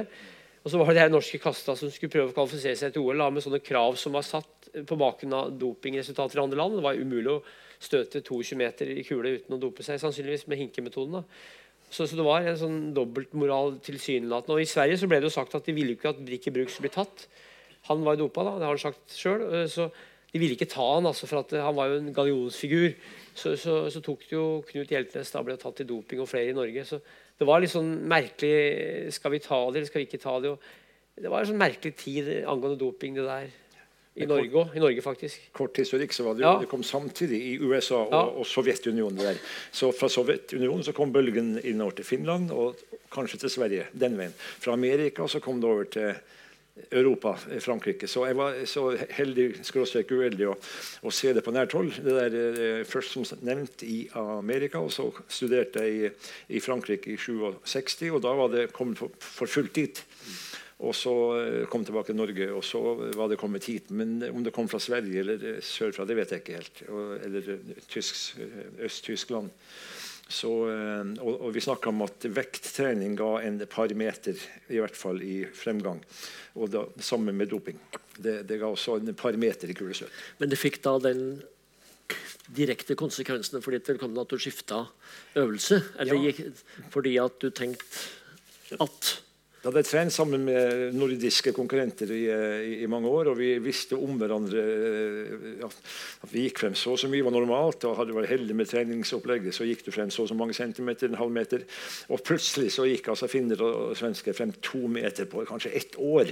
og Da, var det liksom, da, da mista rett og slett gløden og slutta med, med kulestøtet på den tida der og gikk over det. håpet at det var ikke nødvendig med så mye rå kraft i, i lettere redskap. Så jeg gikk over til spyd og diskos. Først diskos, og så spyd. Ja, lettere, Vi må lettere. kikke litt på karrieren der, og, og, episoder der også. De er kanskje ikke klar over, men Jan Kjærstad har jo skrevet eh, noen bøker som 'Erobreren' og eh, hva heter det?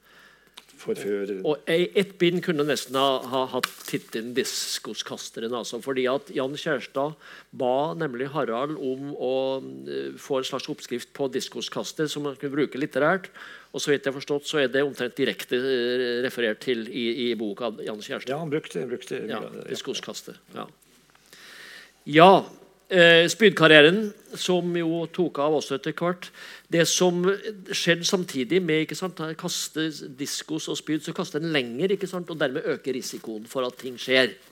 Og Der har vi noen muntre episoder da igjen. F.eks. spyd, da, som jo er direkte sant, veldig farlig. Så vi har noen episoder der om de farlige, farlige spydkast med dødelig utfall.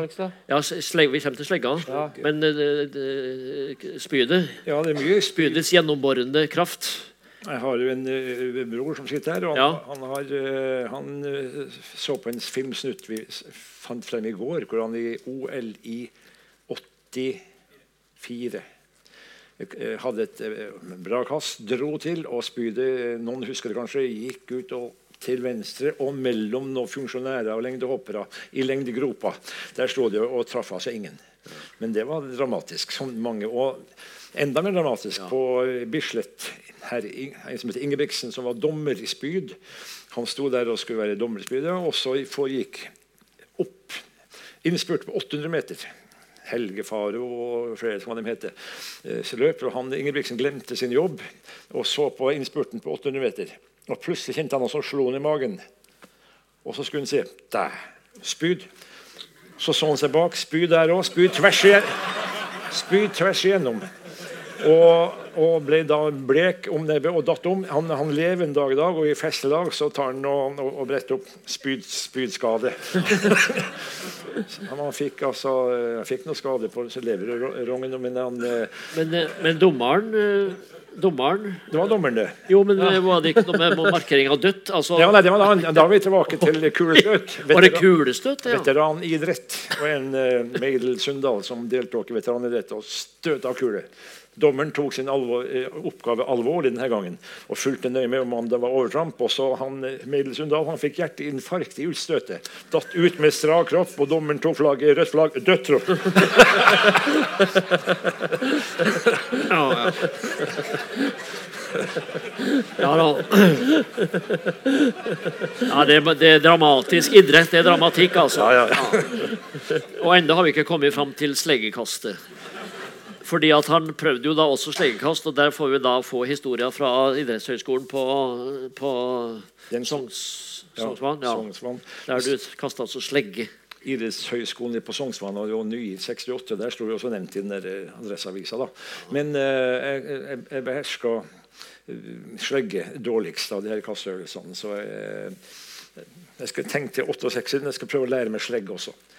Eh, og holdt på å øve øve, men jeg fikk det ikke til. det der, Og, og så hadde jeg et kast hvor jeg mista balansen. Slegga gikk forbi buret, gjennom de svære vinduene på idrettshøyskolen. Og gjennom glass og parkett og fliser og føyk, og rett forbi kronprins Harald. Og det var like før. altså Hva skjedde da hvis jeg truffet han der, da? Ja.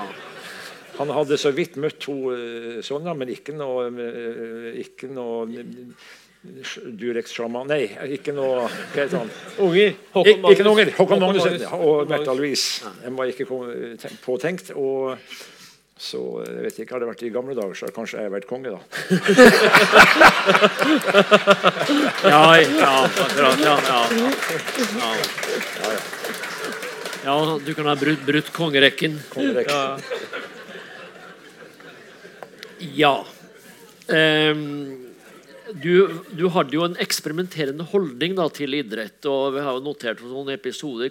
Du har jo lagt merke til det, du. Det også noen sånne uh, forsøk og eksperimenter som han gjorde, og som du kanskje har lagt merke til? Hva tenkte du på da? Nei, jeg tenker på madrassen og stemskoen og slike ting. Ja, Han hadde jo med seg en madrass på stevner da, for å Ja. Kaste seg I spyd, ja. ja, framover. Ja, For det er slik, ikke sant, for, Ja. for å unngå at det blir dødt? Eller Nei, for, unn- for, for, for, for, Sånn, skru- beskytte, skrubbsår. beskytte, beskytte, å Lande mykt og behagelig. Akkurat, akkurat. Ja. Ja. Ja. Og stemskoen? Og stemsko, det var, jeg fant ut en, en dag oppå Vestbybanen, der jeg for øvrig, som det også sto Det er jo en artig historie uansett, da, for det, hun, eh, hun het altså Turi Striger oppå der. og drev og hang opp klær, det står står i adressa. Og spydet ble tatt av vind sidelengs og, og, og gikk mellom hode og skuldre. og inn, Det sto gjennom eh, lakenet, gjorde det ikke, vi gikk i bakken foran. da. Rolig trønder, skal kule til en trønder. Snudde seg. Og jeg holdt på å trene, altså. Men oppå den samme banen som jeg kom på det, så oppdaga at hvis tåa kom litt opp i utkastet, litt, altså fikk mer stemme, eller stopp, da kasta jeg mye bedre. Men skoen var jo eh, flat, så det var, ikke så, det var mye bedre å kaste med tåa opp. Så jeg fikk han eh, skomaker Bolme fra Rindalen. Johan Bolme fra Rindalen. Verdensberømt skomaker. Laga skoen som Egil Danielsen kasta 85-71 i Melbourne. Og, og, og også, eh, også eh, Boysen sine sko Ja. han laga Ja. visstnok. Men han laga en sånn klump under foten som skulle ligne på en sånn der eh, gressbakke. Og det var jo greit for selve seg, men tilløpet ble jo veldig rart. Så jeg løp jo nedover som jeg, jeg, jeg følte meg som det ringer inn i Notre-Dame før, før kirka brant ned. Casimodo kom der. Så det ble ikke noe suksess, men det var et forsøk. Det hører med til mentaliteten altså, som, som gir framgang og rekorder. Nei, men da skal Tor, vil du eh, fortelle litt om altså Harald kom jo i verdenstoppen, som du har fått med her, ikke sant, i kombinasjonen. For nå begynner du å skjønne allsidigheten i det her, ikke sant? Kombinasjonen av kule, diskos og spyd. Ja, Harald var jo da god i kule, han var god i diskos og god i spyd. og Det var jo to kombinasjoner, det var vel både de tre og en med fire kombinasjon. Og da var han vel verdens beste omtrent da i 68, stemmer det? I de tre I de tre i hvert fall, ja. Ja, og jeg tror den kanskje nesten i de fire òg. Det var kanskje høyt oppe på lista. der. Ja, fire, det var fire kastøvelser, men det Ja. var tre, så var den i hvert fall kanskje verdens beste da i slutten av 60-åra. Ja. Så alle så hvis det hadde vært mange kast, da, så ville den vært uh, i teten. Hvis det var tre øvelser i kast, så ville den vært, uh, vært kanskje best da i verden i slutten av 60-åra. Det, det, det, neste, jeg tror vi må klappe for det. altså. Ja, da. Men det har jo eh, det har jo blitt en sånn saying det der av eh, tidligere kroppsøvingskollega Ragnar og Inge Marie Vingdal. og Tor har jo eh, bodd hos meg i kjelleren en dag, et, et døgn. Eh, og Inge Marie sa at eh, at, at jeg kasta alt, men det var også alt jeg kasta. Så det Ja, da. Ser ikke ut som du har kasta så mye. Nei. Jeg har må flytta ut av Gjøaveien, så jeg vet litt om det der. eh, Tor, du har hatt en betraktning om altså, det, det her er to sanne amatører, altså delvis i kraft av sin generasjon og sin tid.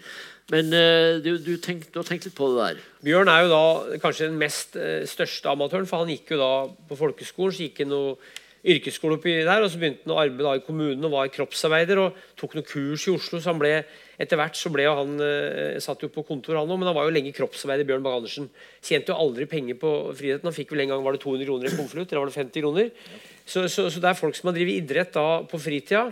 Harald var jo heldig. Eh, han gikk jo da stipend bort til USA, studerte der, og det var jo gode forhold der. Det var ikke noe å tjene på idretten, men han kunne drive idrett på helt i en periode. Var jo senere student, Han fikk jo sånn biff-stipend. Vi har ikke nevnt det nå, men han fikk jo stipend fra Frihetsforbundet for å ete mye biff. Eh, så, så, så, men, men det var ikke noe penger å tjene. Så, sånn var jo idretten da. Sjøl på toppnivå, bortsett fra at det da i Øst-Europa begynte å komme Eller var statsproffer, hadde vært allerede for 50-tallet i Sovjet og andre land. Så de konkurrerte jo mot folk som hadde bedre vilkår. Og i Sverige var det en god del svarte penger i friidretten eh, allerede før krigen, faktisk. Så, så de, de var amatører. Og du kan vel si, Harald, den ene gangen du fikk noe penger da, i et frihetsstevne Det er vel en gang du har fått noe? Du har fått dekka reisen? Bjørn var i Bull, og da kom han til Oslo og fikk kasko. Han fikk treningsoverhold, sånn Bull-drakt. Eh, det var stort for han. Og kasko, så De var jo bra privilegert etter datida. Men det var jo ikke noe penger i idretten. Norge var et nokså fattig land. Det var ikke noe særlig å tjene på noe som helst idrett. Men etter sin tid så var de allikevel ganske Du er enig i at de var privilegerte etter Ja, ja, datida? ja, ja, ja. Jeg fikk som sagt eh, stipend fra både Tjalve og fra Friidrettsforbundet, for vi trodde veldig på det å spise biff av en eller annen grunn. Så, eh, så når mine medstudenter satt inn på Fredrikke og på Blinder der og spiste lapskaus med brusk og knokler, så satt jeg inn på restauranten ved siden av og spiste entrecôte flere ganger i uka. Semiproff. Og så var det en gang i Finland du Ja, og fikk så penger. tenkte, jeg, så tenkte jeg jeg skulle få undersøkt det der, hva som skjer. For etter hvert begynte afrikanske eh, løpere særlig. Og vi var på stevne i Finland, og jeg var jo liksom begynt å komme på hell. Kulekarrieren var ferdig. Eh, men jeg var med likevel. Og så tenkte jeg nå skal jeg se hva som foregår her. da. Og stilte meg kø sammen med disse amerikanske og afrikanske og andre løpere og, og inn på kontoret. aller helligste. Der var det tett røyk, og der satt det folk og, og, med konvolutter med penger. og De fikk jo dekt ganske masse eh, der. Og jeg, jeg kom inn da. Å ja, er det Lorentzen? Det er bare Lorentzen, sa han. Bare Lorentzen. Så fikk jeg ti mark til bussen til flyplassen. Men jeg, jeg, jeg så litt av verden, da. Ja. Ja, hvordan det var blitt. For det var jo sånn at de karene var på landslaget, og det å reise var jo noe stort. Det var jo ikke så vanlig å reise i 1960 som det er i dag, så det å være på landslaget og få reise var jo en del av opplevelsen. Dra til Italia og, friidrettslandslaget hadde gjerne en tur om høsten, en litt lengre tur, hvor det var landskap mot noen sydligere nasjoner, hvor det var- en slags sydentur. Ja, ja, ja. Og det var jo ikke, det var ikke noe avholdslosje da, friidrettslandslaget. Det var jo, det var jo å ha det moro var en del av moroa. Det var jo det. Men du, du har jo eh, observert, Ja. eh, du har observert sant, forskjellige idrettstyper. Du Ja, har langrennsløpere, du Ja. sett, du har sett uh, løpere. Ja. Og når du også blir kjent med noen kastere, Ja. ser du noen forskjell på Altså, Langrennsløpere var jo klassisk beskjeden. Du har jo den trønderske skiløperen som ble intervjua på radioen i 1950 med, med å nikke sju ganger på rad på, på radioen. Men Det blir ikke så Ja. Han nikker. Så har du da TV-en da i 1966 som fikk eh, fram en type som Gjermund Eggen, som var da en Beatles-kjekk kar, eh, filmstjerneaktig kar. Så, så hadde du skihoppere som var gærne, da, eh, hoppa ikke var redd hvor som helst. Og så har du da kaste som er Bjørn og Harald er jo kastere, for de liker jo å kaste, men de er jo som jeg sa i stad, de, de, de er belest, de er ganske følsomme typer. Ganske forfengelige typer, faktisk. Forfengelige både på kropp og utseende fortsatt. Eh, og, og, men men der, der, det er, det er sånn som Harald og Bjørn beskrives av kompiser da, i 1960-åra, så var jo de ofte de som kom seint. For løpere de hadde tynne armer, og de, de var asketer, og de la seg tidlig, og de løp og måtte passe på magen. Kastra kunne spise mye, de kunne drikke seg fulle og være fullsjuke og ikke likevel gjøre det bra. Mens, mens, mens Bjørn og Harald de kom ofte seint til bussen. og de var humørkarer. For at er du løper, så må du være asket mye mer eh, pga. Eh, forskjellige ting. Da. Mens kastere kunne jo ete mye. og så, som det var, Arne Kvalheim sa det at eh, hvis de kom en stand så, med bussen, så ville alltid løpere de ville jo, ville jo løpe, og kastere ville ete. Eh, og de trengte mye med mat, så det var en annen, sannsynligvis eh, kortere form for ytelse. Bjørn sa det at han sløva for stevner. Og det å sløve sa Bjørn var viktig, for da konserverte du all kraften til å kaste. Så den sløvinga som Bjørn drev med, sa, det var bevisst, og det var vel som med deg òg. Du måtte koble av mentalt. Da kasta du bedre. Og Reidar sa at du måtte slappe av. Så, så det var kanskje en del av strategien. Vassberg sa det samme òg. Slappe av før skirenn og være litt sånn, sånn, sånn, sånn lealøs. Da, da gjør du det kanskje bedre. Så det hadde noe med øvelsens egenart å gjøre. At det var og andre typer som ble tiltrukket av det, og som kanskje oppførte seg annerledes for å drive den idretten optimalt. Da. Det her er nesten en doktorgrad, det, altså. Ja, Men sånn, når vi reiste på uh, tur, landslaget og sånn, så satt jo Fremst satt jo uh, Knut Børø sikkert et unntak. For han fra hytta. og det er litt fart, i han. Men ellers satte løp, løperne først i bussen. magre karer. Magre karer og, og, og, og, taus. Ja. Og så satt noen hekkeløpere litt lenger bak, og så satt noen lengdehoppere i midten. Som, de kunne tulle litt. Og så satt jeg kasseren bak og hoia. så det var liksom en sånn forskjellige For det var jo sånn da, du, at Her var jo folk som var vant til å arbeide. Bjørn var vant til å arbeide, så hadde jobb. og Da hadde han plutselig fri flere dager på rad, og så skulle du drive bare idrett. og Hvis du tenker på kulestøt, da, som tross alt er altså fra du, stø, fra du begynner til du støter ut, så er det kanskje halvannet sekund. Så hele, hele øvelsen, ytelsen, tar ni sekunder da, i ett stevne. Så tar du da, altså det, det er jo bare noen få sekunder ytelse. Det er eksplosjon. Mens løpere har en halvtime på 10 000. Så det er, det er en helt annen måte å drive idrett på, som krever da andre forberedelser og andre måter å være på sånn mentalt. Det der var jaggu meg litt av en eh, analyse, altså. Vi nærmer oss vel på en måte slutten. Jeg tenkte også at det var anledning til å kommentere. Men det vi ikke har snakka om, det, det, det, det vi snakka om, om, om hormoner og doping, men det naturlige doping som, eh, som puberteten Ja. innebærer. Ja. Det var noe som jeg ikke var klar over. Så, så det var, for meg var det, var det en Hormonene. hormonene. En, en, en lykke, egentlig. Når, eh, for jeg, jeg, jeg definerte meg sjøl. Jeg hadde en i Hammerfest, eh, Hans Jakob Johansen, som var ett år eldre enn meg. Og så var han i hvert fall to år eh, i tillegg til det tidligere kjønnsmoden. Eh, og han var mye bedre enn en, to meter lenger hele tida. Og så plutselig jeg kom til Trondheim og møtte Jan Vare, og sånn, så, så skjedde det. Jeg var 15 år. Og uten at jeg visste det, så fikk jeg kjempefremgang på ett år. Nei, på en, en sommer. Og det var altså det som vi ikke visste om. eh, hormonenes inntogsmarsj. Og, og, og, og, eh, og, og som vi bare registrerte at det skjedde noe. I Brumunddal så sier vi 'få krans på rota'. Få, få, få krans på rota. ja, akkurat. Ja. Ja da. Men akkurat det der betyr det mange som ikke visste om det. eh, Da, man vet kanskje mer om det nå, men altså, det ble født først tidlig og sent på året osv. Og så er det sånn med Harald, han har jo anlegg for å bli veldig sterk. Så Harald har jo det talentet at han har anlegg for å bli sterk. Og jeg tror både Harald og Bjørn og folk som er gode i idrett, ofte har høy naturlig testosteronproduksjon. Ja, fordi er de er jo gorillaer. De skal være, konkurrere og være best. så, så, så jeg tror det at, at for å bli så sterk som de var, tross alt, så, så måtte du ha spesielle anlegg. Så, så du finner jo utstilling da i, i, i sånne øvelser, tror jeg. Så, altså, altså, eller at det er typer som er litt over gjennomsnittet. da Eh, så, så, eh, og særlig den tida her hvor Harald begynte å løfte vekter samtidig som han kom i puberteten. Altså det var liksom, Alt skjedde samtidig. Så, ja, I biologien så har vi Ja. begrepet alfahann. ja. Nei, Vi nærmer oss slutten her. og Relativt seint i livet ditt, da, i alle fall som en ganske moden mann, så kom du jo inn i et annet miljø som eh, for så vidt brakte oss sammen igjen også. Jeg tenker da på det som vi sjøl har kalt for papirpedagogene. Det er altså en gjeng av sånne litt forskjellige slags folk, får vi si. Men der de fikk du jo en slags ny en, ikke en ny karriere, men nye interesser. da, Henholdsvis løping og skiløping. Og vi har eh, møtt løperen i kamp med Børø. Og eh, i ski, på ski, så er Never den eneste, eh, Tor, som har Birke, klart Birke Nei, jo, du klarte Jo, du fikk du merke? Både klart merke og slo deg. Jeg, jeg, jeg, jeg, jeg tror han tar feil, men jeg kan få det der. Du slo meg i Rensfjellrennet, men ikke i Birken. Ferdig med det. Nei da. Men iallfall så er det få på det nivået som, som kulestøter og kaster som har gått Birken. Ja, eventuelt det- også klart merke Birken. Vi må jo da nevne at uh, Jeg har vel hørt da at Johan Mitva er finsk juniormester i slegge. Ja. Jeg tror det stemmer, men eh, han hadde i hvert fall over 50 meter i slegge. Så han var jo egentlig han var jo så lang at han noterte under ringen. Han som Ja. langrenn. Ja. Men, men Harald er jo da spesiell, for at Bjørn eh, han ler jo litt av de løperne som har så tynne armer og er så bleke og har så tynne lår. Men Harald har jo delvis omdefinert seg sjøl fra å være kraftig kastet til å bli da en løper som men han, veier veide jo var det 95 du veide når du løp på 38 på mila. Det er fort. altså Hvis du deler tida på antall kilo, så finner du ganske bra tid. Men, men er måtte, han er jo ganske grov uansett, eh, Harald, så han kunne ikke bli spjæling. For det er jo eksempler på kastere som har slutta å trene, som har blitt veldig, veldig Du har jo ikke blitt så tynn som noen andre kastere som har slutta å løfte vekter.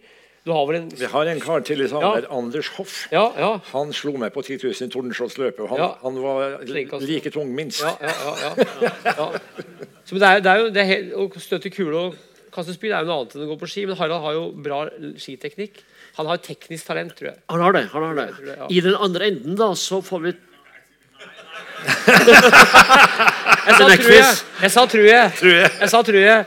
Jeg har aldri sett den gå på ski. Jeg har bare hørt Jo da, jeg, jeg, jeg tipper retninga Harald der, altså. Men iallfall så har det ikke lyktes alltid like godt. Da skal vi dra historien fra Rensfjellrennet med Kristen Kvello som, Ja, som ja. Der eh, du får ta historia sjøl, da. Noen har hørt en sånn, ja. Ja, Men. Kristen Kvello var, var spiker, og, eh, og jeg gikk Rensfjellsrennet en av de eh, tidlige gangene. da, så, og Han forbandt kanskje navnet med noe idrett. da. Og Der kommer Harald Lorentzen nummer 508 over mål eh, på 5.08. Eh, Og så trodde han han skrudd ut skrudde av eh, mikrofonen. Men mikrofonen sto på. Det kan ikke være hen. Det er så dårlig tid.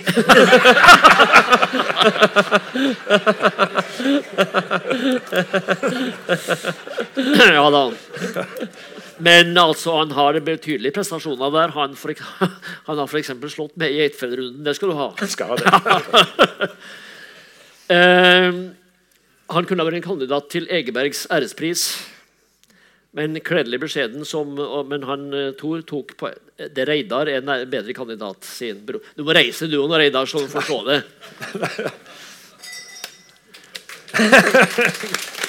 Han er nemlig norgesmester i svømming og masse spydmesterskap. Er det mer å si også? Ja, Han har Norges tredje resultat i spyd noensinne, og Ja, den første det. norske rekorden med ny, ny spydtype. Oi, oi, ja. Så det er ikke dårlig. Det- Egeberg Nei, det. Nei, det, det kunne, han kunne godt ha fått den. Så kom Ruth inn i livet og med et ekteskap fra 1968. Og bopel i Gjøaveien, smått legendarisk i vennekretser. Med en helt spesiell aura og form for orden.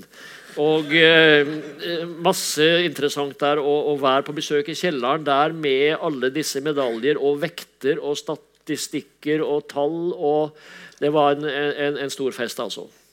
Eh, så kom jo Ingrid, datter Ingrid, nåværende operasjef. Ballettsjef. Eh, ballettsjef, ballettsjef i operaen, ja. Nettopp. Eh, ja da, Hun har samme, samme skuldrene som faren. Det ser de hvis de ser Svanesjøen. Og Ingrid så den gang når hun kom inn, da skjønte alle at hun var datter av sin far. Det var ikke noe flatterende samme skuldrene som far sin.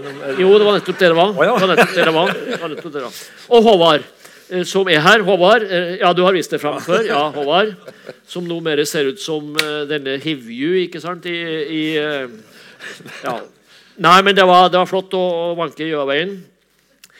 Skal vi til slutt ta også denne litt sjarmerende historien om familien Lorentzen hadde en slags reisedemon som ytra seg på forskjellige måter. Glemt pass og billetter og litt sånn. Kom ut litt seint fra hoppkanten. slik at en gang når han skulle være med på veteran-VM i Praha, var det det? Budapest. Budapest, ja. Så kom det med nøyaktig en halv time eh, bak skjemaet fra Trondheim, og den halvtimen varte gjennom hele Europa. Ja, jo, vi skulle da ta en, en, en, lur lurvei om flakk. Akkurat, ja. Og det var den halvtimen. Det var halvtimen.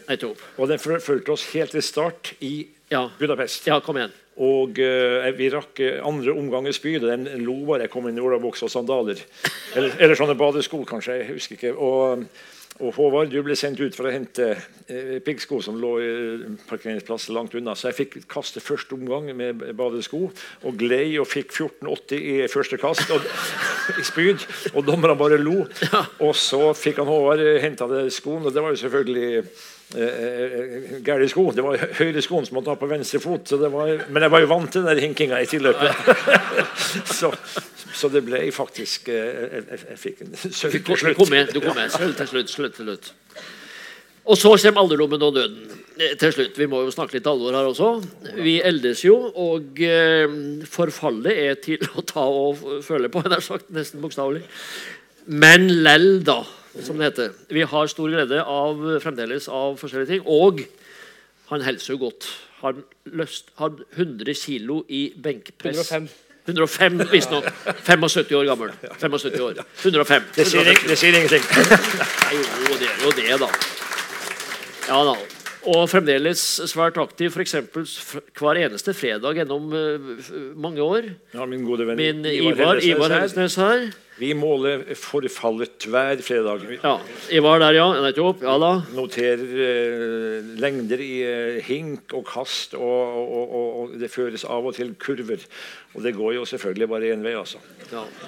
Men det er artig å registrere, Ja. og vi, har, vi, vi gjør så godt vi kan nå. Det er geriatrisk forskning. Ja da, nei, men vi har altså mye glede av det her fremdeles, det må jeg si. Og det er altså også en sånn vennekrets som stort mange av dem er her. Men det er mye Selvfølgelig, det å bli gammel det er vemod. Man, eh, man har heldigvis eh, Man kan tenke tilbake på det. Det blir kanskje viktigere og viktigere for folk å tenke tilbake uten at det skal oppta hele livet. Men eh, sånn som vår han Bjørn Bang, da, som nå har fra å være den sprekeste i, i Norge, bortimot, og som går nå med ryggskade, stenose, og, og, og, og klarer ikke å gå mer enn kanskje 50 meter. Stort besvær. Og det, det, det er sånn kontrast. Og jeg sjøl blir også gradvis eh, som skralere. Og han, eh, den kanskje første spreke vi hadde, var Olaf Evjent. Som, eh, som da eh, kom inn jeg husker eksisterer i huset som sagt, og tok armhevninger på én hånd og, og smilende. Og sitter nå altså med tungt, eh, dement og ensom og, og forvirra. Sitter i 92 år i Oslo. 93. 93 Ja. år. Han er fylt 93, så er 94 da. Ja. Ja. Og, og, og da kan vi ikke annet enn å og, det er også historier som mange har hørt før, da, men eh, å få assosiasjoner til eh, ikke Per Gynt denne gangen, men til eh, King Lear. Han, Olaf han, han var en slags konge. King Lear på, på, som, som, som hadde autoritet og utstråling på alle måter, og mista gradvis alt. Og nå eh, sitter han som sagt forvirra og ensom nede i, Oslo på et hjem. Og da tenker jeg på han som hadde vært og sett eh, på Trøndelag Teater og sett eh, King Lear spilt. Og tar toget opp til Singsås eller hvor det var det og så sier han til eh, nabodama på toget eh, Skal du se King Lear? Hun tenkte seg om og så på han. Ikke har jeg sett den, ikke vil jeg se den. Og, vi, og viser du frem den, så roper jeg på konduktøren.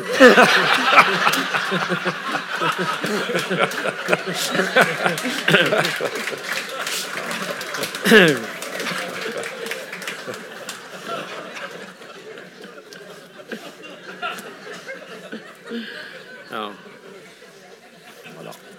Jeg tror at hvis nå skal avslutte med å si, da sier jeg til det at jeg tror du kan si med Pablo Neruda Jeg innrømmer at jeg har levd.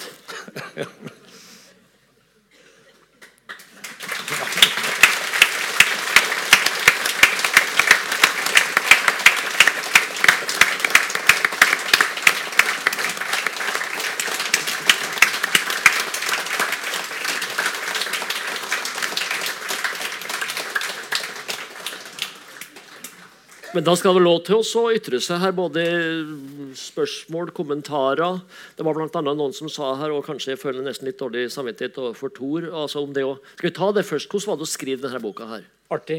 Artig. Ja, så jeg, jeg skriver bøker om ting som jeg syns er artig og interessant. og Vi har jo glist mye, jeg og Harald og Bjørn. Jeg har besøkt Bjørn i Porsgrunn. Harald har vært hos meg, jeg har vært hos han. Så og jeg har prata med en del gamle kompiser og bekjente. Så det har vært interessant. Jeg har lært mye. og, og, og det er jo friskuser, det er urkrafter. Dette her er ordentlige mannfolk. Ikke noen tullebukker. Så, så, Jo da. så det, jo, jo, men altså, du skjønner hva jeg mener. Det er ordentlige karer. Det er ikke noen puslinger. Så, så, så, så det er altså, det er artig også få fram en epoke da, av frihetshistorien og norgeshistorien hvor det var som er helt annerledes i dag. Det er borte, kommer jo aldri igjen, men derfor så går det an å skrive bøker om det og, og, og dukke ned i det. Altså, jeg, jeg synes det er nå skal jeg lage en bok om, Det kommer en bok om utedasser da, 10. oktober. Jeg skal lage en bok om Arne og Knut Kvalheim. Brødre Kvalheim, løpere. Så det, jeg fortsetter litt nå med friidrett. For jeg skal ta flere skibøker, men nå tar jeg litt hvileskjær med noen friidrettsbøker. Nei, men Det var bra det her ble gjort. Eh, takk og takk for eh, det. Ja.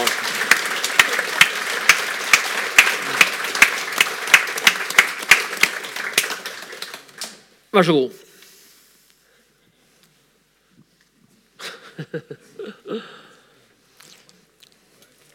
Ja. Der.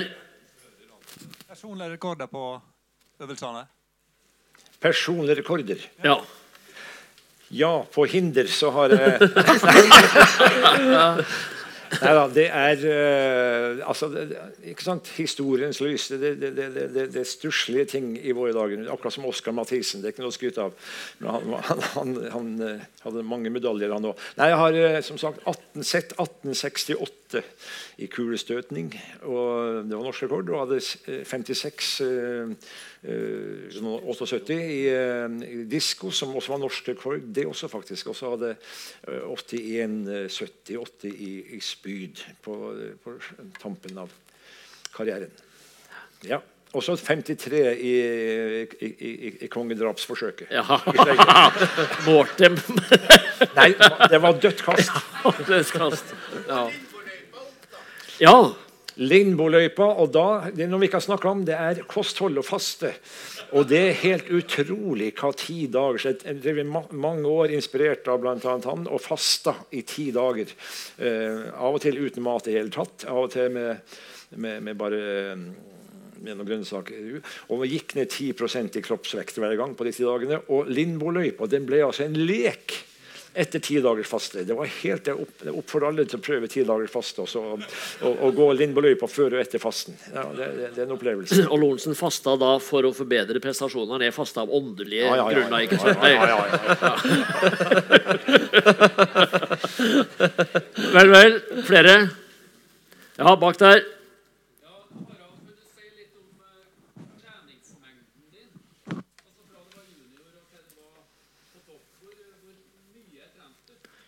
Jeg må si det som Harald uh, Heide sier.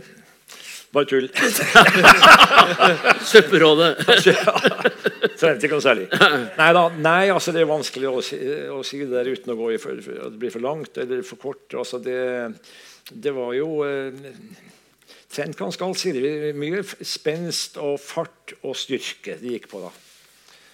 Uh, jeg var en av de første som eh, jeg begynte allerede, jeg kom tilbake fra Amerika i 65. Jeg begynte å jogge om morgenen i Slottsparken. studerte i Oslo, i Slottsparken. Og det, det var så uvanlig for, en, for, for meg og min kropp, så jeg kom hjem da. Og sovna øyeblikkelig hver morgen et- etter en sånn joggetur i Slottsparken. Så det var også et forsøk. da, for at det, det var, Teorien der var jo det at, eh, at et, et stevne varer jo så og så lenge. Og er om å holde koken hele en times tid kanskje over- det. Mens, så jeg, jeg drev hele tida og prøvde å holde meg varm, mens andre kastere eh, satte seg helt som du sa, og, og, bare slappa av. Så det var to forskjellige tilnærminger. Men å gå inn på at akkurat treningsmengde og sånt det, det var uh, trening seks ganger i uka, vil jeg si. Seks ganger i uka. Bj- Bjørn for å si det, han var jo så rask at han løp fra Bassen, eller på en- Bassen Bunes, da Norges beste sprinter. Bjørn lå foran han etter 30 meter. Bjørn var ekstremt rask. altså. Bjørn i joggesko og Bassen i piggsko. Ja, ja, ja, ja. Harald er også 11-1 eh, på 100 meter i, i, i sving. I sving. I sving. på Bislett en gang. Vær så god. Jeg husker veldig godt eh, Jeg husker ikke akkurat når det var, men i hvert fall på stadion skulle det være tikampstevne. Hans Best Jeg var vel i Trondheim på den tida der, så det var Og jeg husker jeg var veldig spent på Harald Lorentzen i tikamp. Jeg husker- For dem som sitter langt bak ikke hører all lyden, han, var, han så tikamp. Jeg hverken 110 meter rekke eller stavsprang. Jeg, synes det var, imponert over at kulestøteren Lorentzen var så Han, han så en ti, tikamp på tidlig 60-tall på stadion. Og, og vi prøvde oss der også, men det var, det var, det var litt komisk også. Eh, Jan Vare var kanskje Jan Vare var jo det store tikamptalentet i Trondheim. Men eh, det var noen som observerte en som heter Egil Hernes fra, ut fra Ørlandet. Og vi, vi, han, eh, så han Vi løp sammen på 1500 meter. Og det var visstnok veldig komisk, for jeg lå bakover med kroppen. Og, og Hernes lå forover, så vi sprang som en, sånn der, en slags A sammen. I de rundene der. Harald, Ja, eh, spiller du badminton ennå? der har vi eh, Bjørn Johansen Øre, eh, friidrettsvenn. Vi, eh, jeg, jeg vikarierte for han oppe i Forsøl utafor Hammerfest. Og da spilte vi badminton. Jeg og Ivar Hellesnes jeg spiller badminton hver fredag, ja. Nei, for jeg har, Du er vel ca. 25 år eldre, men jeg har aldri slått i badminton. Det irriterte meg veldig. Men jeg tenkte at Ja, ja, ja, eh, en, nei, er- en gang må jo alderdommen eh, gi meg et fordel. Så eh, er du klar til en badminton-match? Med venstrehånda. Jaha, ja. Jaha. Ja. Ja, nei, jeg husker på, jeg husker på For å sette 1868 i perspektiv, da, så husker jeg på tidlig på 60-tallet så var det et internasjonalt trenerstemme på stadion. Og da var det en engelskmann som var i Europaeliten, som Arthur Jeg tror han het for Arthur Rowe. Veldig presist.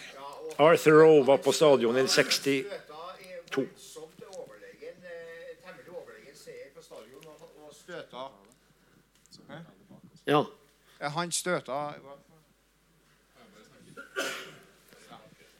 Ja, nei, han støta um, altså over 18 meter, ja. Og det gikk et gisp gjennom publikum da på, på stadion. Ja.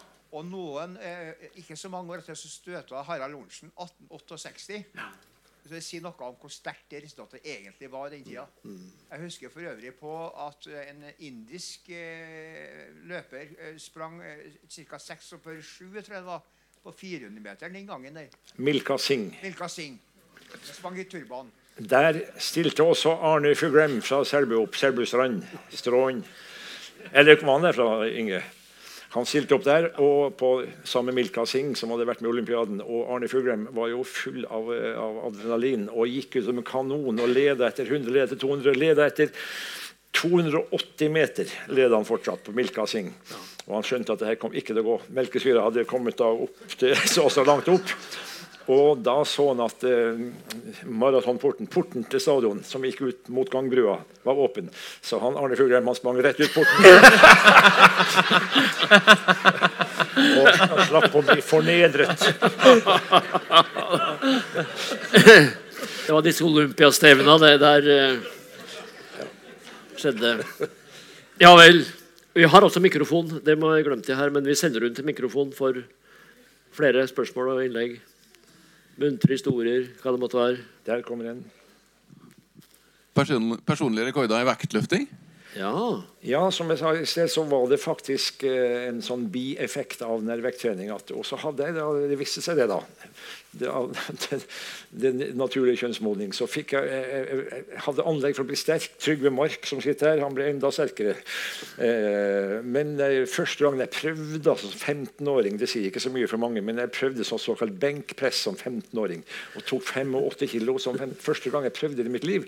Og, så dermed måtte jeg ha et visst anlegg for, for, for styrke, tydeligvis. da. Og så jeg satt faktisk eh, Det her er jo litt komisk. Eh, Håvards mor her var litt begeistra for en som het Åge Slettsjø, som var norsk rekord i vektløfting.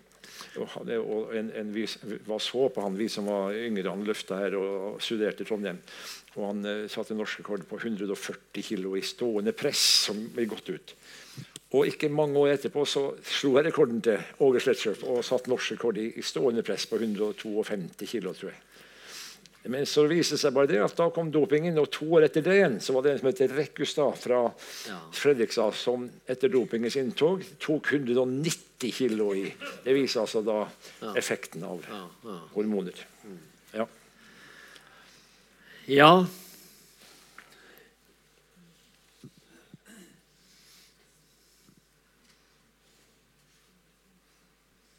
ja. Har vi tømt begeret?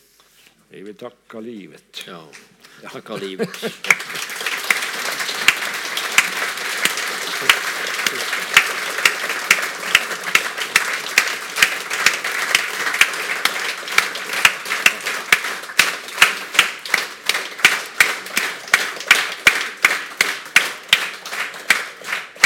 Skal de, kom, skal de ut og så komme inn igjen, eller? Nå skal jeg hvile på laurbæret. Vi hadde, hadde, vi snakka tre ganger, faktisk. Eh, om Da han, eh, Tor skrev eh, bok om Oddvar Brå, da var de rundt eh, 79 steder i Norge og snakka om boka. Så det,